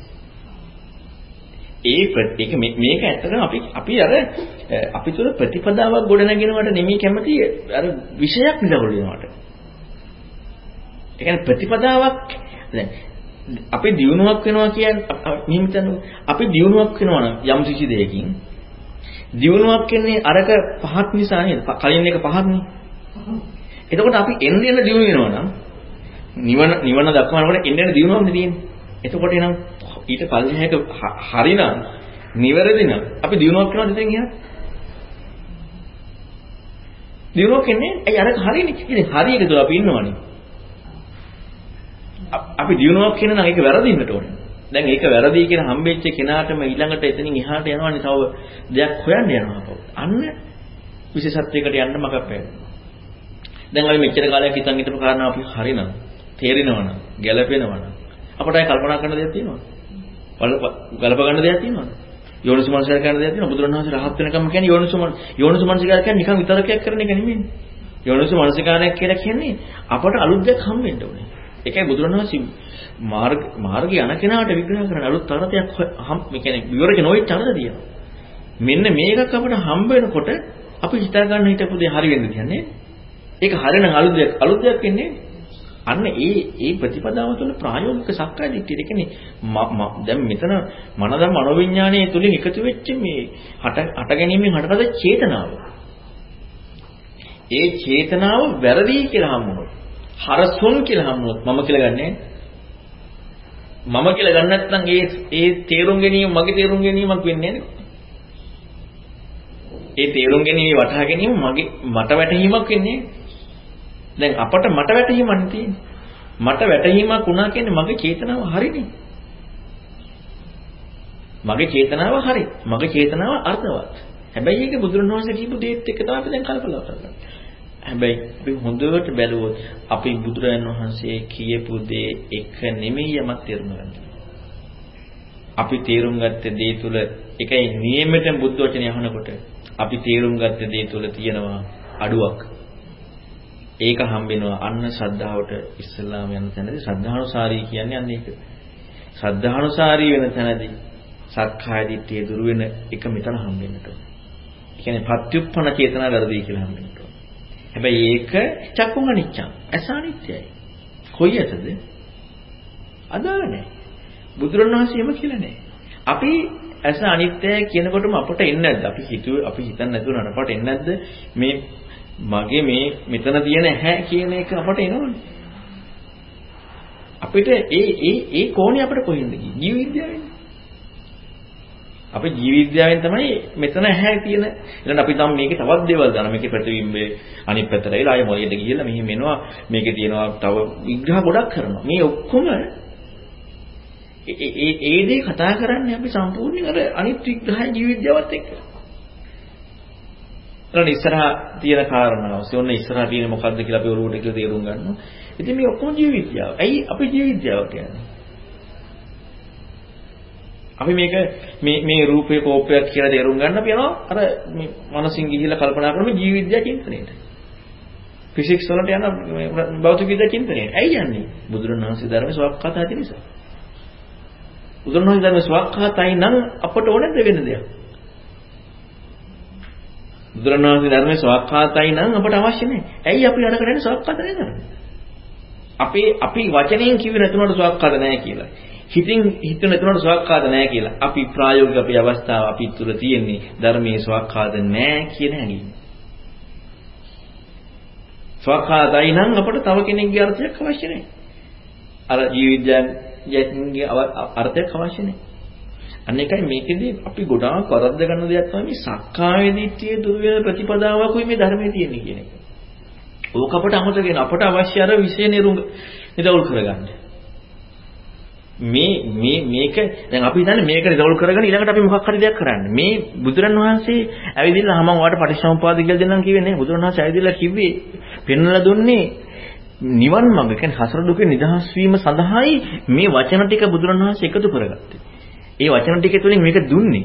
නැතුව අපට පැත්තකට දාලා වචන ටික තේරුම් ගන්න නෙමෙයි. හැබැයි අපි හරියට බුද්ධ වචනේ අහලා වචන ටික තේරුම් ගන්න හොයන තැනදී මේ පැත්තට පහර වැදුනේ නැත්තම් බුදුරන් වහන්සේගේ කෘත්‍ය අප වෙලා නැහැ. අපි පටිච්චසමුප්පාදය විග්‍රහය අපි තේරුම් ගන්න තැනදී මගේ පැත්තට පහරක් වැදුනේ නැත්තම් බුදුරන් වහන්සේගේ ධර්ම දුන්න වැඩේ වෙලා නැහැ. බුදුරන් වහන්සේ අර අපි මේ මේ කෙමිස්ට්‍රි විශේෂ උගන්වනවා වගේ බුදුරන් වහන්සේ තුගල්ලා තියෙන මේ විශයක් විතරයි. නිවන් මඟදී හම්බෙන්නට ඕනේ. ඒ කියන්නේ පටිසමුප්පාදය අපට අවශ්‍ය නැහැ මොකද දැන් අපි ඇත්තට මම කලිනුත් ඔක කිව්වා. කෙමිස්ට්‍රි ෆිසික්ස් මේ බයොලොජි නැත්නම් මැත්ස් ඉගෙන ගත්තොත් අපිට ඒකේ අර්ථයක් තියෙනවා. මොකද්ද මේක ඉගෙන ගන්න එක අර්ථයක් තියෙන්නේ? ඒ කෙමිස්ට්‍රි ෆිසික්ස් බයොලොජි ඉගෙන ගත්තා නම් ડોක්ටර් කෙනෙක් වෙන්න පුළුවන්. අපිට සල්ලි හම්බ කරලා ජීවත් වෙන්න පුළුවන්. මැත්ස් ඉගෙන ගත්තා නම් ඉංජිනේර කෙනෙක් වෙන්න පුළුවන්. මේක ඉගෙන ගත්තා කියලා මුකුත් වෙන්නේ නැහැ මේ වචන ටිකක් නෙමෙයි පටිසමුපාද කියලා එකක් තියෙනවා. අවිද්‍යාව කියලා එකක් තියෙනවා. වචන ටික. එහෙනම් මේක ඉගෙනගෙනදී අපට හම්බ වෙන්න ඕනේ මොකද්ද? අපි තුල වැඩෙන්න ඕනේ මොකක් හරි. දැන් අරව ඉගෙන ගන්නදී අපි තුල යම් කිසි දෙයක් වැඩෙනවා.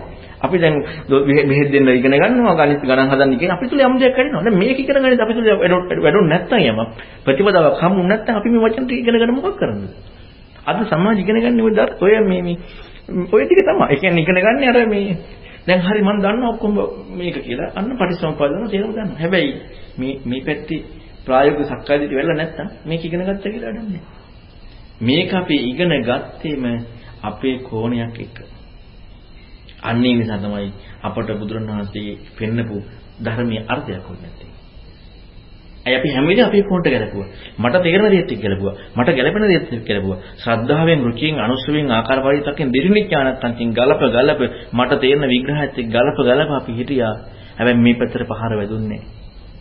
ඒකයි මේ සක්කාය දිටියට පහර වදිනවා කියලා කියන තැති ගැනීමකට ගන්නවා. බය වෙනවා. ඇයි මං වැරදිලු? අර දැන් බක බ්‍රහ්මයා කියන්නේ මං වැරදිලු. අනිත්‍යයිලු. දැන් අපිට ඉතින් මේ විහිළුවක් කියලානේ. දැන් දෙවියෝරුනේ ඔය බක්මනේ. කොහොම හිතන්නේ? එතකොට එහෙම හිතන්නේ ඇයි? මේ මේ විදිහේ දෙයක් බුදුරණවහන්සේ වෙන්නම නිසා.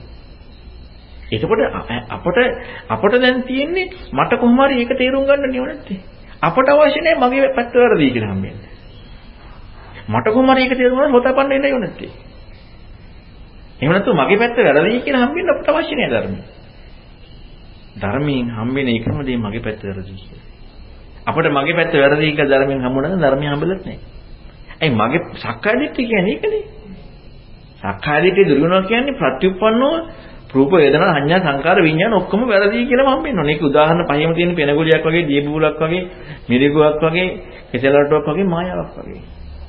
ඔය පහන උදාහරණ දෙන්නේ. ඉතින් ඔය පහ තුල තියෙන්නම වැරදි කියන එකනේ මේ පේන දේ වැරදි කියන එකනේ. ඒ කියන්නේ ඒ උදාහරණ පහෙන් දෙන්නේ. එහෙනම් අපට ඒක ප්‍රායෝගිකත්වෙන්න දෙන්නේ. පංචපාස්කන්ධ කියන්නේ ප්‍රායෝගික හට ගන්න දේ. අපි මේ සංකල්පෙන් දාන එක නෙමෙයි. අපි හැබැයි මුලින් යනවා. මුලින් සංකල්පෙන් දාගෙන මේක විග්‍රහ කරගෙන යන ප්‍රතිපදාවක් තියෙනවා. ඒක නැතුව මේක කරන්න බෑ. හැබැයි ඊට පස්සේ අපේ තියෙන මෝඩකමට අපි මේක රැවටෙන එක ප්‍රශ්නේ තියෙනවා. අපි මේක රැවටෙනවා. ඒකට හේතුව අපි මේකේ තියෙන සම්පූර්ණයෙන් මුලමඳ අග පිරිසිදු අධ්‍යයනය කරන්නේ. අපට වචනේ පංචපාස්කන්ධය කියලා දැන් අපි ඉගෙන ගන්නවා. අපි දැන් හොයනවා පංචපාස්කන්ධය මොකද්ද මොකද්ද කියලා. අපි හොයන්නේ පංචපාස්කන්ධෙට ගිලගෙන බැහැගෙන අපට පංචපාස්කන්ධ කියලා සේයාවක් පෙන්නේ. මේ පරිසම් මේ භක්කද දෙක සේයාවක් පෙන්නේ. අපි හදා ගන්නවා පංචපාද. අපි හද අපි අපි කල්පනා කරලා වචන වලින් අපි තේරුම් අරගෙන මේක රූපේ මේක වේ. හැබැයි ඒක අපට මුලින් ඕනේ. නැත්තේ නෑ. මොකද ඒක තේරුම් අරගෙන අපි මේක ටික ටික කියන්නේ. ඊට පස්සේ බුදුරණවහන්සේගේ ධර්මයේ කියන්නේ අපි දහලා තියෙන පහරා සූත්‍ර ක්‍රමානුකූල ගැඹුරට යන්නේ කියලා. එතකොට මුල ඉඳලා යනකොට ටික ටික අපට ටිකක් මේකේ හම්බ වෙනවා. දැන් දැන් මේ මේ මේ කියපු කාරණා අපිට කතා කරන්න පුළුවන්ද මේ මේ මෙලොව හතරක් අහබන කවුරු හරි එක බෑනේ. එතකොට ඒ ඒ ඒ ඒ කෙනාට මොන හරි විග්‍රහ කරලා දෙන්නවනේ මේ ලෝකෙ පැත්තට ඇවිදින්න. ලෝකෙ පැත්තට ඇවිදලා විග්‍රහ කරලා දෙන්නවා මොන හරි දෙයක්. ඊළඟට තමයි යා ටික ටික ටික ටික මේ මේ මේ තැනට එක් කරගෙන ඉන්නේ. ඊට පස්සේ තමයි මේ අපි හිතන්නේ දැන් ඒ ඒ ටික ඉගෙන ගත්ත පස්සේ අපි හරි කියලා.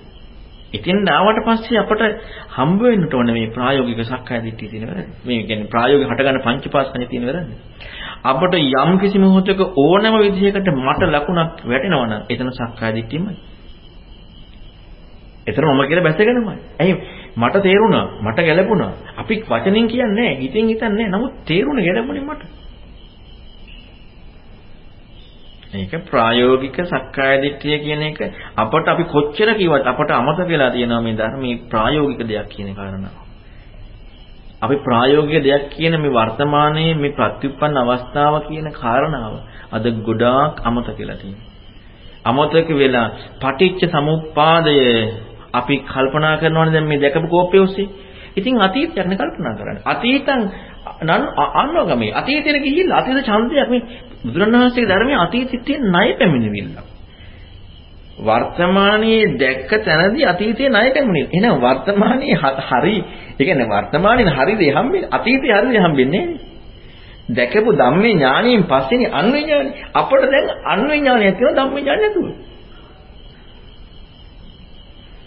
ඒ අන්විඥානයනේ. දැන් අතීතයේ දැන් මේ ඇහෙන් දැකපු රූපය කෙරෙහි දැන් ඒක හොඳට හිතන්න දැන් ආයතරයක් මම කියන්නම්. ඇහැර රූපේ පේනවනේ. ඇහැර පෙනෙච්ච රූපේ දැන් ඔන්න අපි පටිච්චසමුපාදේ හිතනවා. මොකද්ද පටිච්චසමුපාදේ හිතන්නේ? මේක අවිද්‍යාවෙන් හටගත් ඔන්න නාම රූප විඥාන කියලා කාරිත්. එතකොට අපේ ඒ හිතන චේතනාව ඇහැ ඔස්සේනේ හිතන්නේ. ප්‍රතිපන්න දේ මොකද්ද? ඒ හිතන චේතනාවනේ. දැන් ඇහැ ඔස්සේ මේ කාරණාව පෙනු පත්‍යුප්පන්න පත්‍යුප්පන්නේ මන ආයතනේ මනෝ සංචේතනාවත් එක්ක නම් තියෙන්නේ මේ ඇහැ ඔස්සේ සිතන සිතුවිල්ල තමයි. නමුත් අතීතය අනුව ගිහිලා නෙමෙයි මේ තියෙන්නේ. අතීතේ නෙමෙයි. දැන් අපි මේ ගලපන්නේ පටිච්චසමුප්පාදයේ අතීතයේද වර්තමානයේද? බුදුරණවහන්සේ පෙන්වන්නේ පටිච්චසමුප්පාදයේ ධම්මේ ඥානේ වර්තමාන අතීතේද? ඉතින් අපි කරන්නේ අතීතයේත් එක්කනේ. බුදුරණවහන්සේ පෙන්වන්නේ ධම්මේ ඥානේ තමයි ඉස්සරලම අන්නේ ඥානේ නෙමෙයි. අපි අන්නේ ඥානේ යන්න හදලා අපි හිතනවා ධම්ම ඥානෙ එයි කියලා. අපි හිතනවා ධම්ම ඥානෙ එයි කියලා අපි අරගෙන ඉලවල් කරගෙන යනවා. මේ අන්ව ඥානයක් කරන්න යන්නේ. අපි අහලා තියෙනවා නේද අන්තරායේ විදියට. නෑ අපි මුලේ මුල් නෑ අපි කරන්න ඕනේ ඒක. නෑ කරන්න එපා කියන එක නෙමෙයි. ඕක කරන තැනදී අපට හම්බ වෙන්නට ඕනේ ධර්මයේ ඇහෙනකොට දැන් ධර්මයේ ඇහෙනවනේ. මේ පැත්ත වැරදි කියලා. දැන් අපිට දැන් ඕක අහගෙන යනකොට ධර්මයේ ඇහුනහම දැන් අපිට මේ පැත්ත වැරදි කියන හම්බුනහම මොකද්ද වෙන්නේ? අන්න තවත් ධර්මයක ශ්‍රද්ධාව නැටගන්න. අන්න මාර්ගය එතකොට එතකොට තමයි මාර්ගය. එහෙනම් අපිට මේ ඇහිච්ච දේ ඔස්සේ අපි ක්‍රමානුකූල යනකොට ඔන්න අපට ආයතක් ඇහෙනවා. ආයෙත් ඒ කියන්නේ ආයතක් කියන්නේ බුද්ධ වචනේම. බුද්ධ වචනේ තියෙන දේම ඇහෙනකොට අන්න ආයෙ රවුල් කරගත්ත දේ වර්ධි කියලා හම්බ වෙනවා. ආයෙ අපි හිතාගත්ත දේ. අන්න මාර්ගය යනගෙන. අපි කැමති මාර්ගය යනකොට තේරි තේරි තේරි තේරි ඔක්කොම ලකුණු දාගෙන යන යන එකයි මාර්ගය කියලා අපි හිතන්නේ. මාර්ගය කියලා කියන්නේ වැරදි වැරදි වැරදි වැරදි කියලා හම්බෙලා යන එකයි මාර්ගය කියන්නේ. ඒ සක්කාය දිට්ඨිය ප්‍රහාණය වෙන්නේ. ප්‍රාතිපල සක්කාය දිට්ඨිය. මාර්ගය කියලා කියන්නේ හැම වෙලෙම වැරදි කියලා හම්බුනා නම් ධර්මයේ හෙද්දී අන්න මාර්ගය යනවා. හරි කියලා හම්බුනට මාර්ගය යන්නේ. ඒ හරි කියලා හම්බෙන සක්කාය දිට්ඨිය හතරින් පිළිගත්තනේ. ඒ දැන් ප්‍රතිඋප්පන්න ප්‍රතිඋප්පන්න අවස්ථාවේ පංචපාද හතරින් පිළිගැනීමනේ හරි කියලා කියන්නේ. එතකොට ඉතින් රූප වේදනා සංඥා සංකාර විඥාන පංචපාද මම කියලා බැහැගෙන ඉන්නේ. එතකොට ප්‍රතිපදාව හම්බෙන්නේ. හැබැයි හැම වෙලෙම අපිට ධර්මයේ ඇහෙනකොට ප්‍රතිපදාව පුරු කරනකොට හැම වෙලෙම හම්බෙන්නේ මං ගත්ත දේ වැරදි, මෙතන ඔක්කොම වැරදි, වැරදි මේක හරසුන්. දැන් වැරදි කියන හම්බෙච්ච දයක් අය පැත්තකට යන්නේ නෑනේ. ඇයි ඒක වැරදිනේ? අපි කවදාවත් කෙසෙල් ගහින් අරටොක් කියන්නේ යන්නේ නෑනේ. ඒක ආයෙ ගන්නෙ නෑ. ආයෙ වෙන දෙයක් ඒක. ඒ ආයෙ ධර්මවලට ඒකත් වැරදි. එතකොට මොකද වෙන්නේ? සක්කායද විවහාරය නෙමෙයි. එතකොට ප්‍රතිපදාව ගමන් කරන්නේ. ඇයි? ප්‍රත්‍යুৎপন্ন සක්කාය දිට්ඨිය ප්‍රත්‍යুৎপන්නව හකස් වෙන පංචීපාදනස්කන්ධය මොකද්ද උනේ? හරසුන් දෙයක් බව හම්බ වුණා. වර්තමාන මේ මොහොතේ පච්චුප්පන්නව හම්බ වෙන සක්කාය. සක් අන්න පංචපාස්කන්ධේ පංචපාස්කන්ධේ හරසුන් කියලා හම්බ වුණා නම් සක්කාය දිට්ඨිය ප්‍රහාණ ප්‍රතිපදාව යනවා. අපට දැන් මේ හම්බ වෙන හැමදේම හරි හරි හරි නම් යන්නේ වර්තමානයේ හම්බ වෙන පංචපාදනස්කන්ධය හරි. සක්කාය දිට්ඨිය බැසගත්තා. අපි ඔගේ අනිත් පැත්තට බලනවා දාලා තියෙන්නේ. නිරවුල් කරගෙන තේරුම් අරගෙන යන්න ඕනේ ඒක. හැමදාම යනවා ඉතින්. ඉතින් බුදුරන් වහන්සේ පටිච්චසමුප්පාදය කියන්නේ පටිච්චසමුප්පාදය දැක්කම සෝතාපන්නයි. දැන් අපි අපි අද සක්කාය දිට්ඨිය කියන්නේ මොකද්ද කියලා හිතලා නැහැ. ඒකයි ප්‍රශ්නේ තියෙන්නේ. සක්කාය දිට්ඨිය කියන්නේ අනික අපි දැන් කොච්චර කතා කරත් මේ අපි මේ ප්‍රායෝගික අවස්ථාව කියන එක අපි එන්නේ ප්‍රායෝගික දහමක් කියන එක මේකට අපි එන්නේ නැහැ. ඒකයි ප්‍රශ්නේ තියෙන්නේ. ප්‍රායෝගික දහමක් ප්‍රායෝගික ධර්මයේ තුල සක්කාය දිට්ඨිය ප්‍රහාණය. ඉතින් ප්‍රායෝගික ඒකනේ මමක් නැති වෙන්නේ නෑනේ. බුදුරණවහන්සේගේ ධර්මයේ මම වැරදි කියලා හම්බෙන්නේ. දැන් අපි දැන් යන ප්‍රතිපදාව මම නැති වෙන එකක් තියෙන්නේ. අපි හිතන්නේ රහතනකොට මම නැති වෙනවා කියලා. මම නැති කරන්න දන්නේ. මම නිවා රහත් රහත් වුණාට පස්සේ මේ මෙච්චර කාලයක් සසරේ මම නැති වෙනවා. අපි දකින්නේ ඒක ඕනේ. බුදුරණවහන්සේ මෙන්නන්නේ මම වැරදි කියලා දිගටම හම්බෙන්නේ. මම වැරදි කියලා හම්බ වෙනවා මිසක් මම නැති කරනව නෙමෙයි. දැන් එතකොට එන අපි මෙච්චර කාලයක් ගත්ත හැම එකම අර උදාහරණෙම අර කෙසෙල් කරටුව ගැන හිතන්න. කෙසෙල් ගහේ අරටුවක් නැහැ කියලා හම්බුනහම කවදාවත් අරටු හොයන්නේ නැහැ. කියන්නේ ඒක විසිකලම දානවානේ. ඒ විදිහට මගේ ප්‍රතිඋප්පන්න චේත මේ කියන්නේ ප්‍රතිඋප්පන්න චේතනාව අනික හේතුඵල ධර්මෙන් දැක්ක කියන්නේ. ඒක වැරදි. කියන්නේ ඒක මේ හේතුවෙන් හටගත්තා කියලා දැක්කපු තැනදී දර්ශනීයකට කලින් අපි සම යෝනිසමනසිකාරයේ මූලාරම්භයේදී ප්‍රායෝගිකව ශ්‍රද්ධාවට යන තැනදී ශ්‍රද්ධාවට යන්නේ ඒ ධර්මයේ හරි වුණාම ප්‍රායෝගිකව මගේක වැරදි කියලා හම්බෙනවා. දර්ශනීය තමයි ඇත්තටම දැක්ම කියන්නේ. අපිට මේ ධර්මයේ ඇහෙන තැනදී මේ පැත්ත වැරදි කියලා හම්බ වෙනකොට මොකද වෙන්නේ? අන්න එතකොට ප්‍රායෝගිකව සක්කඩේ පහරක් අදින්නේ. හැබැයි දන්නේ නැහැ මොකද්ද කියලා. දැකලා නැහැ හරියට. නමුත් වැදුනේ චේතනාවට පහර. චේතනාව මොකද්ද කියලා දැක්කේ නැහැ. හරසුන් බව දැක්කේ නැහැ. ඒ කියන්නේ හේතුඵලයෙන් හටගත්ත කියලා දැක්කේ නැහැ. දැකලා මමත්වයේ දුරුණා නෙමෙයි. ඒ කියන්නේ මම සක්කාය දිට්ඨිය දුරුණා නෙමෙයි දැකලා. හැබැයි ධර්මයේ ඇහිච්ච තැනදී පහර වැදුනේ චේතනාවට. මගේ චේතනාවට. එතකොට අන්න සද්ධානුසාරි මේක හරි නිසානේ. ධර්මය හරි නිසා වැරදුනා මගේදී. අන්න භගවා ජානාමි අහන්න ජානාමි. භගවා ජානාමි මිසක් භගවා කියපු දේ මන් දන්නව නෙමෙයි. භාග්‍යවතුන් වහන්සේ කිව්ව දේ මන් දන්නව නෙමෙයි. භගවා ජානාමි අහන් හැම වෙලෙම අහන්න ජානාමිමයි. කොයි වෙලෙමත් භාග්‍යතුන් වහන්සේ කිව්වේ මන් දන්නව නෙමෙයි. හැම වෙලෙම යන්නේ අහං නජානාමි. අහං නජාන. අපිට තියෙනවා භාග්‍යතුන් වහන්සේ කිව්වේ මන් දන්නවා. ඉතින් සක්කාදිට්ඨියම.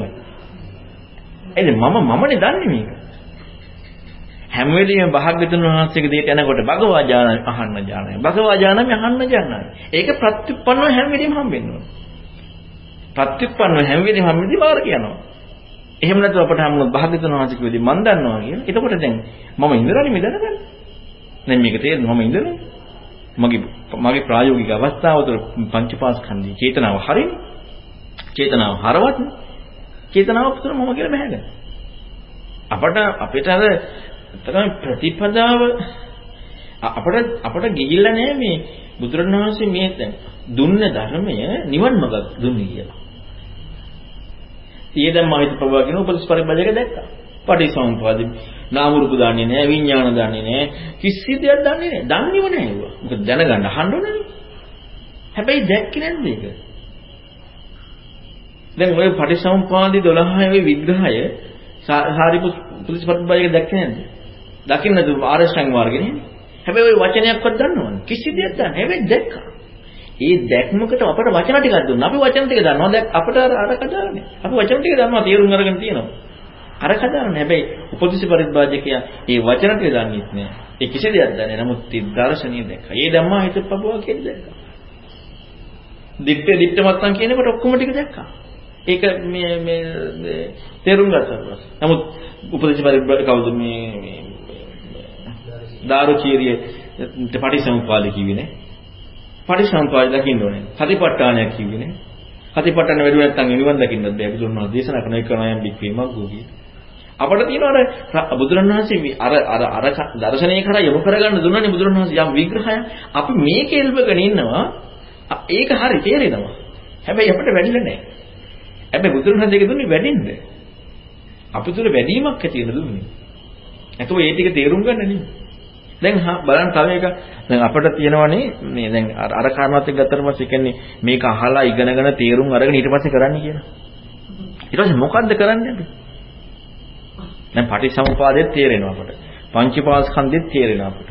ඊළඟට ආයතනත් අපට තේරෙනවා. ඊළඟට අපට දිට්ඨ දිට්ඨ මතන් කියන එකත් තේරෙනවා. හරි මොකද්ද කරන්නේ? කරන්න දෙයක් නැහැ. කරන්න තියෙන්නේ සමාධිය වඩන්න කවුරු කියපු සමාධියද? අන්න ආලාකාරම් පෙන්නපු තිතල මුසුකු විහරණයේ පිණිස සමාධිය. නැත්තම් අර සති සම්පජන්ණයේ පිණිස සමාධිය. ඔය ටිකන කරන්න තියෙන්නේ. ඒ දැන් අපිට වෙන වෙන කරන්න දෙයක් නැහැ. අර ටික ඔක්කොම නිදාවුල්. දැන් අර ටික තමයි කරන්න තියෙන්නේ. ඒ ටික කරනකොට අන්න එතකොට ඒක නිවන් දකින්නවත් තමයි හිතන්නේ ඊට පස්සේ.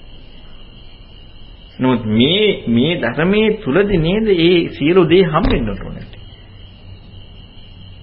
මේ ධර්මයේ තුලදී. ප්‍රායෝගිකව වඩද්දී අපි වැරදි කියන එක හැම වෙලාවෙම හම්බෙන්න ඕනේ කියලා කියන්නේ. ඒ ඒ වැරද්ද හැම වෙලාවෙම සම්බන්ධයි. අපිට බයෝකමෙන් හම්බ වෙන්නේ නැහැ මේ සුපන්න කියන එක හම්බෙන්නේ නැහැ. හැබැයි මේ වැරද්ද දකින්නේ ධර්මයට සාපේක්ෂව නේද? ධර්මයට සාපේක්ෂව. වෙන දෙයකට සාපේක්ෂව නෙමෙයි. හැම වෙලාවෙම අපි එතනින් යටින් යනවා අපි ධර්මෙ මෙහෙය කිරීමකුත් යනවා. ධර්මයේ හරිය කියන ශ්‍රද්ධාව සහ අපිට තව يعني ධර්මයේ කරා ළඟා වීමක් කියනවා කියන එක හැම වෙලාවෙම අපේ වැරද්ද දකින්න ධර්මයට සාපේක්ෂව. ධර්මයට සාපේක්ෂව. ඒ කියන්නේ අපිට අර හරි දේ කරා යන්න ඕනේ. අර යෝනිසමනසිකාරය කියන්නේ ඔන්න ඔය ඔය ඔය කිරීම තමයි. අන්න ඒක තමයි යෝනිසමනසිකාරය. කියන්නේ මෙතන වැරදි කියලා හම් වෙනකොට අරකට යන්නට ඕනේ. එහෙනම් ඒ ඇත්තට යන්න ඕනේ. එතකොට එයාගේ උපදින යෝනිසමනසිකාරය. ආයේ අපට බලෙන් ආ මේක කරන්න ඔහොමයි කරන්න යෝනිසමන එහෙම කියලා දෙන්න අවශ්‍ය නැහැ. මේ පැත්ත වැරදි කියලා හම්බෙලා ධර්මය ඇහෙනකොට හම්බෙන්නේ. අර බුදුරණවහන්සේ දේශනා කරන්නේ ප්‍රඥාවන්තයට ධර්මයේ තියෙන කියලා. ඒ කියන්නේ මේ ලෝකේ ප්‍රඥාවක් තියෙනවනේ. අනික් කෙනා හිතන්නේ ආ ඉතින් ඔක තේරෙන්නේ නැහැ නේ ඔක වැඩන්නේ නැහැ ඉතලා අපට ගැලපෙන්නේ නැහැ නේ. අනික් කෙනාගේ ලක්ෂණය ඒක. නෝන තියෙන කෙනාගේ ලක්ෂණේ අන්න තේරෙන්නේ නැති ගැලපෙන්නේ නැති වැරදි පැත්ත හම්බුනම හරි එක හම්බුනම එයාට හරියකට යන්න ඕනේ. එතකොට ආරෂ්ඨාංග මාර්ගය තමයි කියන්නේ. අන්න ආරෂ්ඨාංග අන්න ශීරිනුනේ දෙනවා. හරියට හඳුනාට පස්සේ ප්‍රතිපන්නව ධර්ම තතතත විකසති කියලා කියන්නේ ඒ ප්‍රත්‍ය උපදින සෑම මොහොතකදීම ඒ විදර්ශනාලා ඉල්ලලා කිරීම නෙවෙයි. ලක් කිරීම නෙමෙයි. ඒ කියන්නේ දැක්මක් නෙවෙන්නේ. මං කරන එකක් නෙමෙයි දැක්මක් වෙන්නේ. දැන් ප්‍රත්‍ය සෑම මොහොතකදීම සිද්ධ වෙන්නේ සත්‍යයට මේ ඇස ගන්න ආසේ ඉස්සරහේ ප්‍රත්‍යයන් ඉදීමනේ. ප්‍රතිපන්න ධර්ම. ඔව්. උපදිනවා. ප්‍රත්‍ය සත්‍ය විපස්සේ. මේ ක්‍රියාවලිය මෙන්න මේ පටිච්චසමුප්පන්නයි සංකතයි පටිච්චසමුප්පන්නයි වයදන්නයි කයදන්නයි කියන අවබෝධයේ යම්කිසි කෙනෙකුට ඉන්න පුළුවන් නම් එයා සෑම මොහොතකදීම කලියුත්තේ කලියුත්තේ නෙමෙයි. ඒ කියන්නේ එයා එයාගේ දැක්මක් එනවා වර්තමානයේ හටගත්තා කියලා. යෝනිසෝ මනසිකාරේ ඉදී මනසාරේ ඔව් ඒ කියන්නේ අදින මොහොතේදී යෝනිසෝ මනසිකාරේ ඒ පැත්තේ උපදින එක විදර්ශනාවට දක්වනවා. ඔව් ඒ කියන්නේ යෝනිසෝ මනසිකාරේ කරාම පස්සේ ප්‍රඥාව උපදින්නේ. අරක දකින්නේ ප්‍රත්‍යুৎපන්නව. මේක කාය අයෝනිසෝ මනසිකාරයෙන් මේ මේ සත්‍ය උපදින එක දැකපු පුද්ගලයාට ඇස උපදින මොහොතේදී උපදින මොහොතේදී විඥානය වෙනකොටම ඒක යෝනිසෝ මනසිකාරයෙන් මේ කියන මේක පරිස්සම්පන්නයි සංකතයි. මේක සකස් වෙච්ච ක්‍රියාවලිය. මොහොතක් මොහොතක් පාසා හැදෙන මොහොතක් මොහොතක් පාසා වැරදි. මොකද මොහොතක් මොහොතක් පාසා කියනකොට කාලයකට ගිහිල්ලා මේ වචන වලින් මම කියවට ඒ ඒ අවස්ථාවේ සමුදය වේ ඔව් ඒක ඒක ඒක දකිනකොට සිදුවෙන්න ඕනේ මන් තුල තිබිච්ච සියලු දේ වැරදි කියලා. ඒක සක්කාය දිට්ඨිය කාලයක් මම මේ සියලු දේවල් සක්කොට ගත්තා මේ ස්කන්ධ පහේ සිදුවන ක්‍රියාවලිය අවසානයේ විඥානයේ හඳුන්වලා දීපු ක්‍රියාවලිය මම සක්කොට ගත්තා මේ ක්‍රියාවලිය නොදකම නිසා. ඒ ක්‍රියාවලිය පිළිබඳ අවබෝධය තියෙනවා නම් ඒ ප්‍රත්‍ය උපදින සෑම මොහොතකදී පංචස්කන්ධය හතට උපාදානය කරලා යනවාදී නේ පංචස්කන්ධෙත් වැරදි. පංචස්කන්ධය පනවන්නේ මමමයි. ඔව් ඒ මම මම කනදී ඉස්සර කාලේ මම කියන අනිත්‍යගතව එහෙම නැත්නම් ප්‍රත්‍යඥ භාවයේ ඉන්න ඒක නිසානේ දැන් මට මෙන්න මේක මෙන්න මේ කියන කාර්යය මට අවබෝධ වෙන දවසට මගේ ඇස දැනවෙන්නේ මේ පරිසම්පන්නයි මගේ මගේ මුලේ පරිසම්පන්නයි විඥානේ පරිසම්පන්නයි කියලා මට අවබෝධ වෙනවා නම් මට ඒක මොහොතකදී ඒත් මට පැනවුණා කියලා හම්බුනොත් එහෙම ඒ කියන්නේ පැනවෙච්ච දේ බොරු කියලාම හම්බෙන්නට ඕනේ. ඒ කියන්නේ කාර්යයක් පැනච්ච දේ බොරු. ඔව් නෑ දැන් දැනුත් පැනගෙන බොරු. ඒ දැනුත් ඇත්ත නෙමෙයි. දැනුත් පැනගෙන දේ බොරු. මෙච්චර කලින් දැන් දැන් පැන දැන් පැනවෙනවා නම් යම් කිසි දෙයකින් ඇස දැන් පැනවෙනවා නම් යම් කිසි දෙයකින් රූපය ඒ ඔක්කොම අසත්‍යයක්. ඒ ඔක්කොම ප්‍රායෝගිකව හම්බෙන්නට ඕනේ. ඔව් චේතනාව ඒ කියන්නේ ප්‍රත්‍යুৎපන්නව ඇත්තටම ඇහැ කියලා මනනකොට අපි ගිහිල්ලා ඉවරයි පටිසම්ප සකස් වෙලා. රූපය කියලා මනනකොට ගිහිල්ලා ඉවරයි. ප්‍රත්‍යুৎපන්න අවස්ථාව තුළ අපට චේතනාව වැරදි කියලා හම්බෙනකොට පැනවීම ඔක්කොම ඉවරයි. එතකොට ආයේ මට කරන්න දෙයක් නැහැ. මොකද මම ඒ කියන්නේ ඒක තමයි සම්පූර්ණ අරහත්ත්වය කතා කරන්නේ. කියන්නේ සම්පූර්ණයෙන්ම මේ සත්‍ය දැකලා හේතු නිරුද්ධ වීම කියන කාරණාව. සම්මාන සීල සූත්‍රයේ අරහත්ත්වය කියන එකට කියන්නේ ඒ අවසාන අදී මේ මුලින්ම කරන්නේ අනිත්‍ය දුක්ඛ සෝතපන්න එන්නත ඊළඟ අනාගාමි ඔක්කොටම කරන්න තියෙන එක. එකම පරියයයි තියෙන්නේ. ඒ අනිත්‍ය දකින්න නම් පරිසම්පාදේ දකිනවා. ඔව්. ඒ ආකාරයෙන් ඒකපද සෝතාපන්න ඵලයට පත් වෙනකොට ක්‍රමානුකූලව අනින් අයියේ වෙනස් වුණා. පෙළවිච්ච එක කාර්යය. ඔව්. ඒ කියන්නේ සෝතාපන්න වීම කියන්නේ පටිසම්පාද දැක්ම. පටිසම්පාද දැක්කම අන්න සෝතාපන්න. හැබැයි ඒක දකිනකොට සම්පූර්ණ අවිද්‍යාව කියන්නේ මොකද්ද කියන කාරණාවත් එක්ක ප්‍රත්‍යুৎපන්නව හම්බෙන්න ඕනේ. කියන්නේ ඒක කල්පනාවකින් නෙමෙයි දැන් අපට අපි දැන් හිතමු මන මන ධම්ම මනෝවිඤ්ඤාණ එකතු වෙලා අපි කල්පනා කරනවා මේක විඤ්ඤාණය මේක නාම රූපේ මෙහෙමයි එහෙම කියලා ඒක ඒක අපි කල්පනාව. දැන් අපි ඔන්න මේක නාම රූපේ මේක සිදුවිල්ලන්නේ. මේ දැන් අපි හිතන මේ ඇහෙන් පේනකොට මේක නාම රූපේ මේක රූපේ මේක නාමය මේක විඤ්ඤාණය කියලා ඒක කල්පනාව. ඒක ඒක ඒ පටිසමුපාද නෙමෙයි. ඒ කල්පනාව. මේක ප්‍රත්‍යুৎපන්නවම හටගත්ත දේ දකින්නට ඕනේ. ඒ ඒක දකිනවා කියලා කියන තැනදීම මගේ පැත්ත කියන්නේ මම කියන කන වැරදිනේ හම්බෙන්නේ. මගේ පැත්තටමයි වැරද්ද හම්බෙන්නේ. ධර්මයේ හරි මගේ පැත්ත වැරදි. හැබැයි මට ධර්මයේ තේරුණා නෙමෙයි. හැම වෙලෙම මගේ පැත්ත වැරද්ද. මම ඒ කියන්නේ මම හිතපු මගේ චේතනාව ඒ කියන්නේ මට ප්‍රකට වෙච්ච රූපය සංඛා සංඥාව හඳුනාගත්තදී හඳුනාගත්ත සියලුම දේ මිරිගුවක්. විඥාණයට හම්බෙච්ච සියලුම දේ මායාවක්. හැම විඥානය කියන්නේ සම්පූර්ණයෙන්ම මායාවක් මොකද නාම රූපයකට නාම රූපයක් කියලා කියන්නේම මායාවක්. අන්න ඒ කාරණාව හම්බ වෙනවා නම් අපට එකකටවත් ලකුණක් දෙන්න බෑ. කිසි දෙයකට ඒ කියන්නේ ධර්මයක් ධර්මියොත් ඒතර ඒ කියන්නේ ඒක මුල ඉඳලම හම්බ වෙන දෙයක් තමයි ධර්මයක් අයින් වෙන දෙයක් කියන එක. ඒ කියන්නේ ධර්මයක් අයින් වෙන දෙයක් කියන එක එයාට මුල ඉඳලම මොකද හැම වෙලෙම හම්බ වෙන දේ මේ පැත්ත වැරදි අර පැත්ත හරි කියලා. එහෙනම් අපිට හැම වෙලෙම හරි දේ අපි මනින දෙයක් කියනවනේ. එහෙනම් හැම වෙලෙම හම්බ වෙන දේ තමයි එයාට මුල ඉඳලම යමක් වැටහෙනකොට අර වැටීමේ ශක්තියක් තියෙන නිසා නුවණක් තියෙන නිසා මේ ධර්මයට අතහැරන දෙයක්. ඒ කියන්නේ මේකට ඉක්මවන ඉක්මවීමක් තියෙන කියන එක එයාට හම්බ වෙනවා ඒක පහුරක් කියන කාරණාව. එතකන් හම්බෙන්නේ සම්පූර්ණයෙන් මේ අර ධර්මයේ කියන මේ තියෙන එක හරවත් කියන කාරණාවට අපි ගිහිලා ඉවරයි පැනවීම කියන කාරණාවත් එක්ක.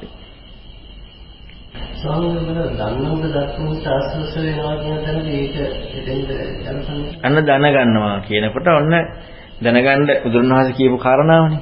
එන දෙයක් නෙමෙයි.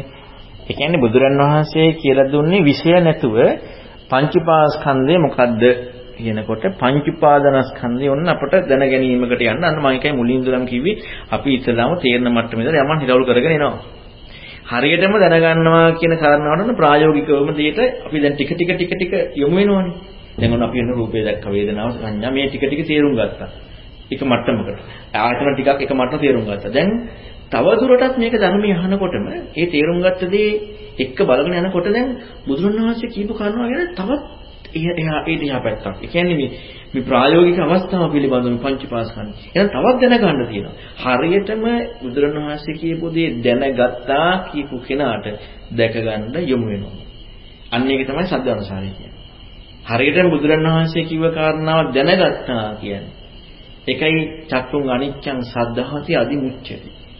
ඇස අනිත්‍යයි කියලා සද්ධාවෙන් අදාහගත්තා කියන්නේ මේ බුදුරන් වහන්සේ කියපු ඒ කාරණාව ඇස අනිත්‍යයි කියන කාරණාවේ විග්‍රහය හරියටම දැනගත්තා. හැබැයි දැනගත්තේ විද්‍යාව ඔස්සේ ආපු කාරණාව නෙමෙයි. නැත්නම් වෙන බාහිර කිසිම දෙයක් එක නෙමෙයි මට තේරෙච්ච විදියට නෙමෙයි. බුදුරන් වහන්සේ කියපු ක්‍රමයට ඇස අනිත්‍යයි කියලා හම්බුණා. ඒක හම් වෙනකොටම හම්බුණා. ඒ අනිත්‍යත් බාහිර සියලු දේ සහ මට තේරිච්ච හැම දෙයක්ම වැරදි කියලා. අන්න දැනගත්තා. එතන ඉඳන් දැන ගැනීමක් කියන්නේ. එතකන් දැන දන්නේ නැහැ. ඊළඟට දකින්න යනවා. දැනගත්ත කෙනා දකින්න යනවා. මොකද හේතුව? එයාට දැන් මේ මේ මං වැරදි නම් ප්‍රායෝගිකවම වැරද්ද හම්බුණා නම් එයා දකින්න යන්නේ නැහැ. එයා දකින්න යනවාමයි. කරද්ද හම්බෙන් සත්‍ය දකින්න ඔව්. එතකොට එයා අනිවා- අනිවාර්යෙන් දැක්මකට යමු වෙනවා. අන්න එතකොට දකින්ද මහන්සි ගන්නවා ධම්මානුසාරී. දකින්න මහන්සි ගන්නවා. යන්න දකින්න යමු වෙනවා. ඊළඟට හරියටම දැක්ම සෝතාපන්න වීම. එතකොට අර ප්‍ර- ප්‍රත්‍යක්ෂ දැන් අපට ධර්මයේ සද්ධානුසාරී වීමදී හම්බෙන්නේ ධර්මයට යමුනාට පස්සේ අ, මෙතන මේ ඔක්කොම වැරදි නිසා අරක හරි උන නිසා සද්ධානුසාරී වුනේ. හැබැයි මේක අ- අරක හරි මෙහි වැරදි. නමුත් මේක වරදින්නේ කොහොමද කියන කාරණාව තාම හරියට හම්බෙලා නැහැ. ධර්මයේ හරි මේ පැත්ත වැරදි. නමුත් වරදින්නේ ඇයි කියන එක තාම හරියට හම්බෙලා නැහැ. අන්න වරදින්නේ ඇයි කියන කාරණාව හම්බෙන්න අර ප්‍රත්‍යুৎපන්න වශයෙන් දකින්න ඕනේ. දැක්ක දැන් සමහරවිට ඥානයක් නේ. ඈ දැක්කා කියලා සත්‍ය ඥානි, සේක ඥානි. සේක ඥානි. සම්මත ආර්ය ශ්‍රාවකයා සද්ධානුසාරී එක්න ආර්ය ශ්‍රාවකෙක් වෙනවාද? අර ශ්‍රාවකේ. සද්ධානුසාරී කියන අර ශ්‍රාවකේ. ඈ දෙන්නම අර ශ්‍රාවකේ. ඒකට සංසය කියන්නේ අපි සාමාන්‍ය විදිහට අධිරහිතට කියන්නේ මොන කෙනෙක් කියනවා අසුදොත් පුතග්ජන. අහලා නැහැ අපි අපි මූලික විදිහට දේවල් කියනවා අපි ඉන්නවා අපිට දේවල් කියනවා දුක තේරෙනවා සතුට තේරෙනවා. ඒක බුද්ධ වචනේ අහන්න ගත්ත දවසේ ඉඳලා ඔන්න අපිට යම් කිසි සුද්ධයක් උපදිනවා මේක මෙහෙම නෙමෙයි තියෙන්නේ මේකේ කුස්කන්ධය කියතෝ හෝ මේකේ දුක කියතෝ මොකක් හරි සංසාරය ගැන හරි යම් කිසි අපිට දැනුමක් එක්ක එන්න පටන් ගන්නවා. එතන එතනින් නේද පටන් ගන්න ඊට පස්සේ අපිට ධර්මයේ වැඩ වෙන්න වැටෙන්න ධර්මයේ සත්‍ය සහ අපේ අසත්‍ය කියන ඒ ඒ දෙක වෙන්ගෙනවත් වෙන්න පටන් පේන්න පටන් ගන්නවා. ඊට පස්සේ ওই දෙක එකතු කිරීමක් තමයි අපි මේක දැක්මක් දැක්මක් කියලා කියන්නේ. දකින්නකොට අන්න ඒක තමයි සැබෑම දර්ශනය. එතකොට ඒකත් මම දැක්කා කියන කාරණාව ඉක්ම වෙනවා දැක්කා. එතකන් අර මගේ වැරද්දමයි හැම වෙලෙම හම්බෙන්නේ. ඒ කියන්නේ මාර්ගයේදී මගේ වැරද්ද හැබැයි ධර්මයේ හරි කියනකොට අන්න ඒකයි මේකෙදි කිසිදු වෙනසක් කරන්න බැරි. ඇත්තටම අපි අපි ඒ කියන්නේ මේ මේ සද්ධානුසාරී කියන මට්ටමට යන තැනදී අපට වැටහෙන්නට ඕනදී ගොඩක් කියනවා මම අර ගොඩක් මේ දවස්වල කරුණු කියන්නේ පසේ බුදුරුන් බණ කියන්න බෑ. කියන දණ කියන්න බැරි ගුරු නෙමෙයි. ඊළඟට බුදුරණවහන්සේ මහා කරුණා, මහා ප්‍රඥා මේ ඔක්කොම බුදුරණවහන්සේ නම් ධර්මයේ ස්වාක්ඛාතයි නම් අපට ආයි කාගවත් විස්තරයක් අවශ්‍ය නැහැ. වෙන කිසිම විග්‍රහයක් අපට අවශ්‍ය නැහැ. එතකොට ඒ වෙන අපි අපි තේරුම් ගත්ත දේ තුළ මොනවා හෝ වෙන විග්‍රහයකට ගිහිල්ලා. ආ මෙතෙන් දෙනවා. තව විග්‍රහයකට ගිහිල්ලා තියෙනවා. සංසය එතකොට තමයි දැන් අපි දැන් ඔබට කලින් ඉස්සරහ දැන් කෝපය දැක්කොත් අපි කෝපය දැක්කා කියන එක අපි ඉදිරි ගියාට අපි ලගින් උත්සාහ කරන දැන් මේක අනිත්‍ය නැහැ කියන එක මේ චේතනාව හරසුන් කියලා. හැබැයි ඒක පිටිපස්සෙන් අපි දකින්න ගොඩක් වෙන උත්සාහත් වෙන්නේ මේක ප්‍රායෝගිකත්වයේදී වර්තමානයේ විද්‍යාවතනදී මට මේක දැක් ගන්න බැරි වුණා නේද කියලා. ඔව් ඔව්. ඒ කියන්නේ අපි එතනදී රැවුණා කියන එක අපි බලන්නේ. නැහැ. පස්සේ බලනවා මෙහෙම නේද කියලා. හැබැයි මම හරි ධර්මයේ සත්‍යය මම අසත්‍යය නම් අපිට පේන්න ඕනේ. ආ මට මේක අල්ලගන්න බැරි. බැරි වුණානේ කියන එක. ස්වාමීන් වහන්සේ දැන් ඇත්තටම අර යමක් ඒක තේරුම් ගන්නකොට එතන හොඳටම දන්නවා මේ මන ධම්ම මන විඥානෙ කියන්නේ දැන් එතනේ චේතනාව චේතනාවම හරියට දකින්න බැහැ නේද? ඒක ඒක නෑ නෑ ඒක නෑ ඒක ඒක දැක් ධම්ම මන විඥානෙ මේකත් කිව්වේ මන ධම්ම මන දෙති එතකොට ඉතින් මේ කියන්නේ ඒ හිම්මයි කියලා. අර ඉතින් ගම වතුර ගම එන්නේ ඒක ඒක දැක්ම දැක්ම සෝතාපන්නනේ. ඒ කියන්නේ දැක්ම සෝතාපන්න. ඒ දැකීම කියන කාරණාව සෝතාපන්න කෙන- කෙනෙකුට මෙහා ඒක දැක්ම කියන කාරණාව කතා කරන්න බෑ. දකින්නේ නැහැනේ. ඒ කියන්නේ චේතනාව වර්තමාන චේතනාව මෙන්න මේ ප්‍රත්‍යයෙන් හටගත්තේ කියලා දකිනවා කියන්නේ සෝතාපන්න. හැබැයි අපට අ, වර්තමාන චේතනාව වැරදි කියලා හම්බ වෙනවා නම් දැක්කේ නැහැ. දැක්කේ නැහැ. දකින්න නැතුව වැරදි කියලා හම්බ වෙන ශ්‍රද්ධාවත් එක්ක. සද්ධානුසාරීකමත් එක්ක වර්තමාන චේතනාව වැරදි කියලා හම්බ වෙනවා නම් එතන සක්කාය දිට්ඨියේ ප්‍රහාණයට ප්‍රතිපදාවක් හම්බ වෙනවා. සක්කාය දිට්ඨිය කියලා කියන්නේ අපි මේ දාගත්ත වචන ලේබල් එකකින් මේ රූපේ මම නෙවෙයි වේදනාව නෙවෙයි නෙමෙයි මේ ප්‍රායෝගික අවස්ථාවට බුදුරණවහන්සේ රූප වේදනා අඤ්ඤ සංකාර විඥාන කී ප්‍රායෝගික අවස්ථාවට. එහෙනම් ප්‍රායෝගික අවස්ථාව තුළ තියෙන වැරද්ද හම්බ වෙනවා දැක්කේ නැහැ. අතන හරි නිසා. කියන්නේ ශ්‍රද්ධාව ධර්මයේ හරි නිසා ධර්මයේ හරනම් මේක වැරදි. මට දැන් මේ මේ මේ අපු දේත් මට මේකත් චේතනාවක් පංච උපාදාන ස්කන්ධයක් කියන වැරද්ද දකින්නවා. නමුත් එතන තාම දැක නෑ දැක්කේ. දැක්- දැකීම කියන එක නෙමෙයි. නමුත් ප්‍රායෝගිකව ප්‍රායෝගික අවස්ථාව තුළ අප යමක් හම්බුනානේ අපට. ධර්මයේ ඇහෙනකොට ඒ හම්බෙච්ච දේ වැරදි. ඉතින් ඒක වැරදි කියලා වැරදි කියලා හම්බුණා කියන්නේ මගේ චේතනාව වැරදි කියලා හම්බුණානේ. ඒක හැබැයි අපිට නිදගුණ නෑ තාම. මේ මගේ චේතන මේ චේතනාව මොකද්ද? මේක මොකෙන්ද හටගත්තේ? ඒක දැක්කේ නැහැ. නමුත් ප්‍රායෝගිකව හම්බුනේ චේතනාව වැරදි කියලා. ඒ කියන්නේ ඒ චේතනාව අර ඉමත්මින් සති දාමුට එතන නෑ නෑ ඒව නෑ. නෑ නෑ ඒව නෑ. ඒකයි මේ මේ ඒ සද්ධානුසාර නුවණ තියෙන කෙනා සද්ධානුසාරී වෙන්න එච්චර දෙයක් ඕනේ නෑ. සද්ධානුසාරී කියන්නේ ඊටාම නුවණ තියෙන කෙනෙකුට ඊටාම පුංචි දෙයක්. ඔය පටිසමුපාදේ ඔය ඔච්චර ලොකු දෙයක් ඕනේ නෑ. චක්කුන් අනිච්ඡං කියන කාරණාවේදී ඒක බුදුරණවහන්සේ වෙන්න විග්‍රහයත් එක්ක ගියාම ප්‍රායෝගිකව මේ පැත්ත වැරදි. ඒ කියන්නේ බුදුරණවහන්සේ කියපු දේ දැන් බුදුරණවහන්සේ කියන පුජ්‍යලේ අසහාය කෙනෙක් මෙහෙම මෙහෙම කෙනෙක් ඒ නිසා ඒ බුදුරණවහන්සේ කියන දේ ආයි වැරදි නෑ කියන හිතන එක නෙමෙයි. ඇස අනිත්‍යයි කියපු කාරණාව ඒ කියපු විග්‍රහය හරි කියලා හම්බුණා මේ පැත්ත වැරදි කියලා. ඒක අර පොඩි දෙයක් එතකොට යනකොට ආරණිය ආය දන්නේ නැහැ. මොකක්වත් දන්නේ නැහැ. ඒක දැනගන්න හේතුඵල වශයෙන් ඉවසන්නට ඕනේ. ඒ කියන්නේ ඒක එතනින් එහා තමයි හරියටම යෝනිසමනසිකාරය ඒ කියන්නේ වැරදිවම මේ නිවැරදි යෝනිසමනසිකාර කියන එක කතා කරන්න තියෙන්නේ. ඒ නිසා තමයි ප්‍රායෝගික හුරු කිරීමයි ධර්මයයි දෙකක් කියලා තියෙන්නේ. ඒ කියන්නේ අපිට දැනුමක් විතරනේ. ඒ නිසා අපිට ප්‍රායෝගික කිරීමයි දැනුමයි දෙකක් කියලා. හරියටම ධර්මයට ආවම එයාට ආයේ අලුතෙන් ප්‍රායෝගික වෘදු කරගන්න තව කෙනෙක්ගේ උපදෙසක් අවශ්‍ය නැහැ. මේ මේ බොරුවක නම් ඉන්නේ මේ ඇත්ත කරා යන්න ඕනේ. එතකොට එයාට ඒකට සිහිය පිහිටවා ගැනීමක් ඕනේ. සිහිය පිහිටවන හතිපට්ඨානෙ වැඩිමත් යන්න යොමු වෙනවා. සිහිය පිහිටවා ගන්න මොකටද? මේ මාව නිවන් දක්කන්න නෙමෙයි. මට මේ වැරද්ද තේරුම් ගන්නවා තව දුරටත්. වැරද්ද තේරුම් ගන්නවා. එතකොට එහෙම සිහිය පිටවා ගන්න අන්න වීරියක් ඕනේ. ඒ වීරිය තියෙන්නේ මේ මේ එකටම යොමු කරගන්න. වර්තමානයේ සත්‍ය තේරුම් ගන්න ඒකම යොමු කරගන්න. ඊළඟට මේක තේරුම් ගන්න දාන චින්තනය යොමු කරනවා. ඒ ඒක ආයේ අලුතෙන් කියලා දෙන්න ඕනේ අව කරන්න කියලා. එහෙම කරනකොට හිත එකඟ වෙනවා. අන්න සමාධිය ඇති වෙනවා. ඒක තමයි ආසවක්කේ සඳහා ඊළඟට ආයේ පංචපාස්කන්ධ මේක රූපේ වේදනා සංඥා. අපි අපි මුලින් මේක ලේබල් කර කර බලනවා. මේක ලේබල් කරන්න දෙයක් නැහැ ඊට පස්සේ. ඒ දැක්ම තමයි රූපය සංඥා සංකාර විඥාන කියන්නේ. අපි මේක ලේබල් කරා. මේක දැන් කවුද මේ කිසිකෝම සූත්‍රය ගත්තාට පස්සේ ඒක ස්වාමීන් වහන්සේනම එක විග්‍රහයක්. ඒ ස්වාමීන් වහන්සේ පංචමස්කන්ධ කරලා නැහැ නේ. ධාතු දැක්කේ. ඒක ස්වාමීන් වහන්සේ කියන්නේ පටිසම්පාද අනිත් ස්වාමීන් වහන්සේ ආයතන. එතකොට මේක මේ එක එක්කෙනා එක එක දැකලා තියෙනවා. නමුත් මේ ඒ එයා ඒක තේරුම් ගන්න ගිය කෝණෙත් එක්කනේ. අපි අර මේ දැක්මට අපි වෙනම ලේබල් ටික දාලා අපි මේ ලේබල් ටික දකින්න හොයන්නේ. මේ රූපේ මොකද්ද? වේදනාව මොකද්ද? අපි හැබැයි මුලින් නිරවුල් කරගන්න ඕනේ. නැත්තම් පැටලෙනවා. මුලින් අපි යම් දැනුමකින් නිරවුල් කරගන්න ඕනේ. හැබැයි අපි ප්‍රායෝගිකත්වය කියන්නේ මේ රූපේ මේක, මේ වේදනාව මේක, මේ සංඥාව මේක, මේ සංකාරය මේක, මේ විඤ්ඤාණය. එහෙම එකක් නැහැ. ඔය මොකක්වත් දන්නේ දෙකට රහත් වුණා. හැබැයි ඕක ඕකමයි දැක්කේ. ඕක දුන්නේ ඒ මගට. උත්තරම සරණ දැන් අද තියෙන ප්‍රශ්නේ ඉල්ල මම මෙහෙට කන දැක්කේ නේද කන බලන්න ඕනේ කියන තැන දෙයක්. ඔව්. දැන් අපි ඔක විශේෂ හිත ගන්න නිසා බුදුහාමුදුරනේ බහගෙන තොටු බලන්න දුන්නේ. කනෙන් බැස්සත් ඇහෙන් බැස්සත් කොහෙන් බැස්සත් අන්තිමට අහු වෙන්න ඕනේ ප්‍රතිපදාව එකක් නිසා දැන් කිසිකෝ සූත්‍රයේ ඒ සනසලා කරනම හතර පහෙන් යන අන්තිමට අහු වෙන එක තමයි. ඒක තමයි. ඔව් අනිත් එක අපි හැම වෙලෙම දැන් ඕක තේරුම් නැත්නම් අපි තව විග්‍රහ වලට යන්න යනවා. දැන් මේක අපිට කොහොමද තේරුම් ගන්න ඕන නිසා ඔන්න එක එක විග්‍රහ වලට ගිහිල්ලා ඔන්න මේ තව මේක තව කුඩා කරලා සුද්ධාස්තක වලට බෙදලා රූප කලාප වලට බෙදලා ඊළඟට මේක තව විවිධ දේවල් වලට අපි මේක තේරුම් ගන්න.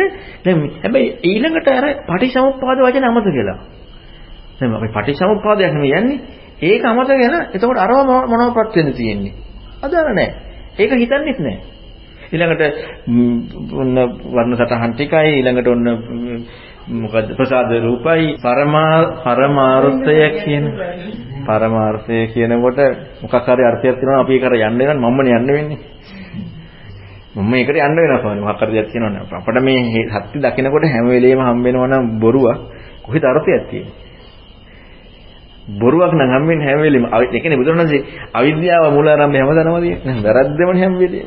අපි අපි අපි අකමැති වැරද්ද හම් වෙනවා කියලා දන්නේ අවිද්‍යාවයි මූල ආරම්භය. කොහෙන් ගියත් සම්මේන තියෙන මෝඩකමයි. ඒ කියන්නේ දැන් ඒ අවිද්‍යාව කියන්නේ මෝඩකමනේ. නිවන් දකින්න කම්ම තියෙන්නේ මෝඩකම හම්බෙන්න තමයි.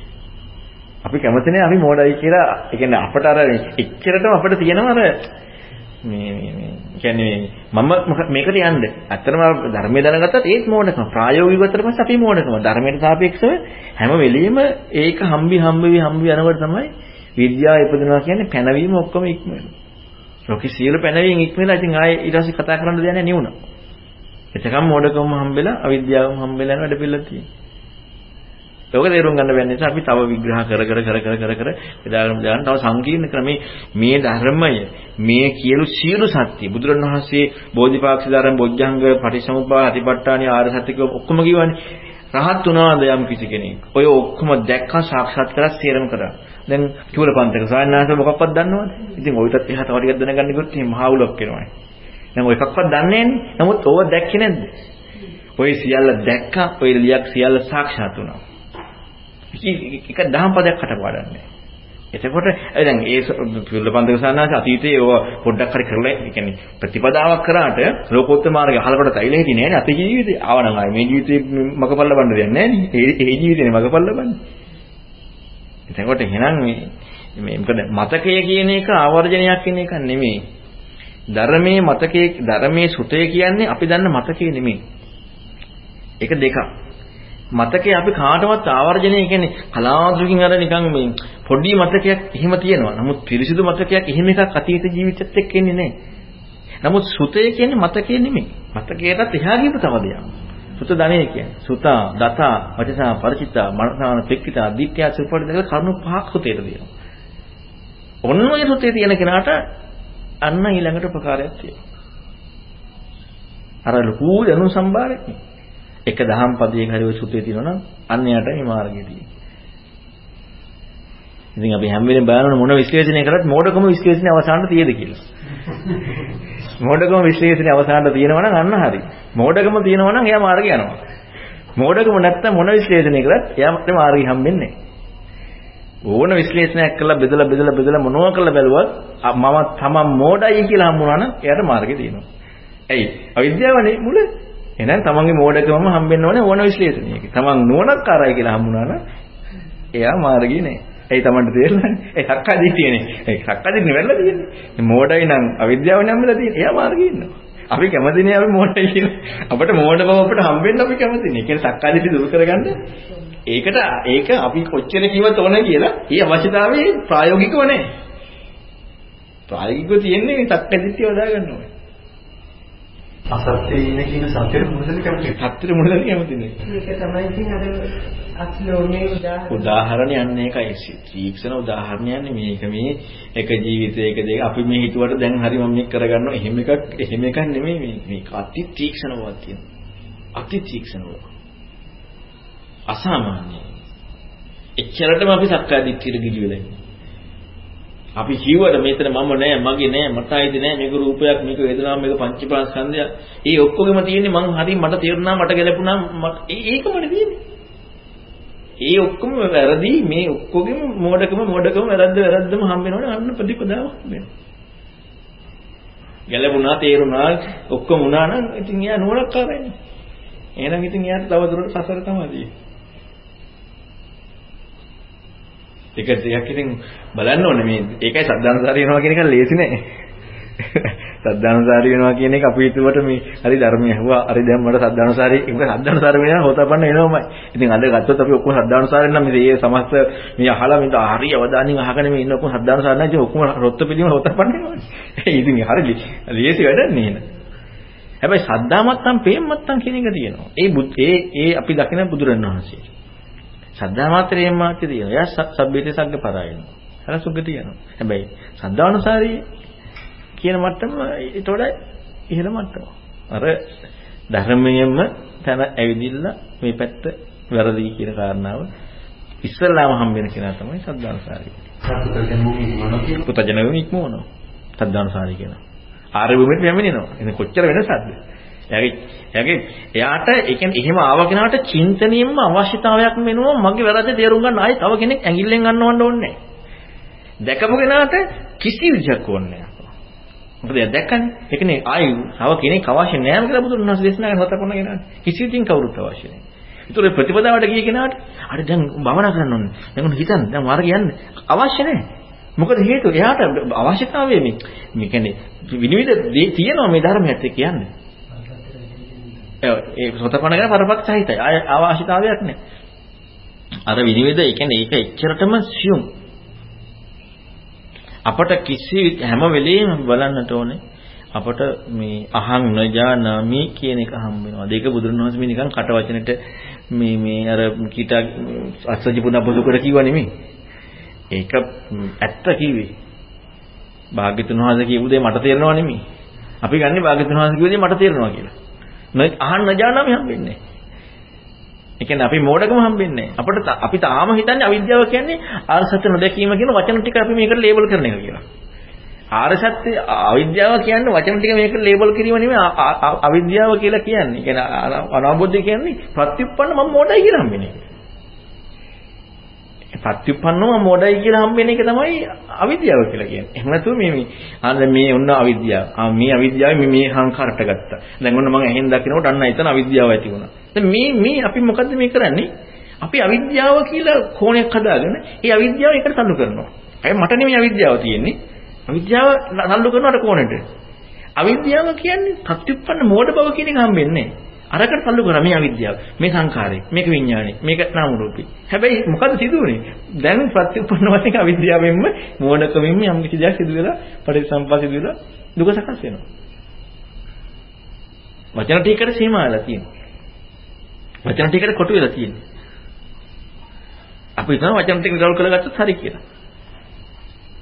හැබැයි වචන ටික නිරවුල් කරගන්න තමයි යන්න තියෙන්නේ. ඒකට ධර්ම බුදුරජාණන් දුන්නේ. ඒක නිරවුල් කරගන්න යන ප්‍රතිපදාවේදී සක්කාය දිට්ඨිය දුරු වීමයි හම්බෙන්නේ තියෙන්නේ.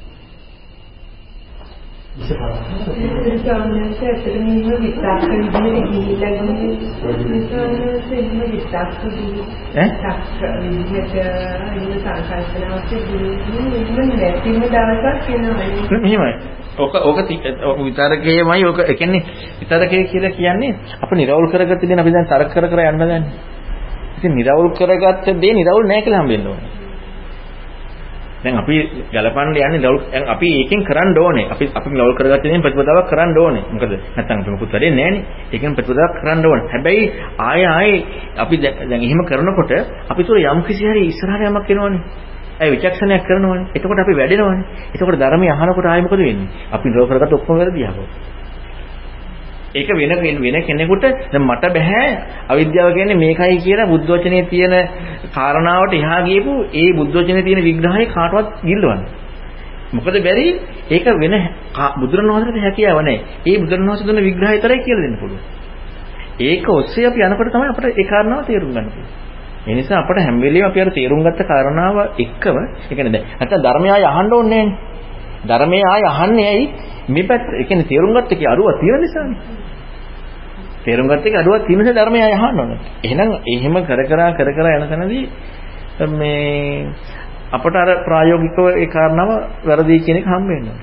අපට දැන් වැරදි කියලා හම්බ වෙනවා. ඉතින් ආයෙ තව ඉස්සරහට අහන්න ඕනේ. අපට එතනින් දුකක් නෙමෙයි වෙන්න තියෙන්නේ. දැන් අපට තියෙන්නේ ගොඩක් අට වැරදි කියලාම අයියෝ මට තාම තේරෙන්නේ නැහැ නේ කියලා ඒකනේ ඒ ඒක වෙනවා කියලා කියන්නේ අනිත් පැත්ත. එතකොට අර ප්‍රඥාව නැතුව අනිත් පැත්තට යනවා. අයියෝ මට තාම තේරෙන්නේ නැහැ මට මේක තේරුම් ගන්න ඕනේනේ කියන කාරණාව අන්න එතෙන් යන්න. එතකොට ඒ ඒ යන කෙනාට තමයි හම්බෙන්නේ.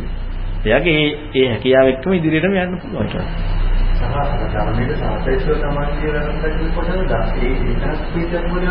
ප්‍රීතියක් උපදිනවා. ඒ ප්‍රීතිය උපදිනවා. තේරෙන්නේ නැති තේරෙන්නේ නැතුණාට ඒ ප්‍රීතිය උපදිනවා. එතකොට ඒ ප්‍රීතියත් එක්ක අන්න ඉදිරියට යන්න තියෙනවා. හැබැයි අර අරව ගැලපුන්නේ නැහැ. ඒක ඇත්ත. ගැලපුන්නේ නැහැ කියන ඊළඟ තව එකක් තමයි මේ අනිත් පැත්තෙන් ආය ලකුණක් කැටෙන දෙයක් තියෙනවා. දැන් මට තේරුන්නේ නැහැ දැන් මම මාර්ගෙනි කියලා. ඒවත් ඊළඟට ආය ලකුණක් කැටෙනවා. දැන් මට තේරුන්නේ නැහැ මේ කරුණට ගැලපුන්නේ නැහැ. දැන් මං කී මං කී මං ගත්ත එක වැරදි කියලා හම්බුණානේ. ආ එහෙනම් දැන් මම මාර්ගේ තමයි ඉන්නේ කියන ආය අනිත් පැත්තට ආය යනවා. ඒ කියන්නේ එච්චරටම මේ අහුවෙන්න සම්භාවිතාවයමයි තියෙන්නේ. එච්චරට මෝඩ. එච්චරට අපි ඒ කියන්නේ බුදුරණවහන්සේ කියන්නේ මේක ගලවනවා කියන එක අසාමාන්‍යයි කියලා. ඒත් අවිද්‍යාව කියන්නේ මොකද්ද කියලා හම්බෙලා නැහැ. ඒත් මේ මොකද්ද ධර්මයේ කියන එක හම්බෙලා නැහැ. ඒත් කැමති දැන් මම සක්කාය දිට්ඨිය දුරු කරන සද්ධානුසාරී මාර්ගෙට දැන් මේ එනවනේ කියලා. ඉතින් දීප්ත යන්න කියමු.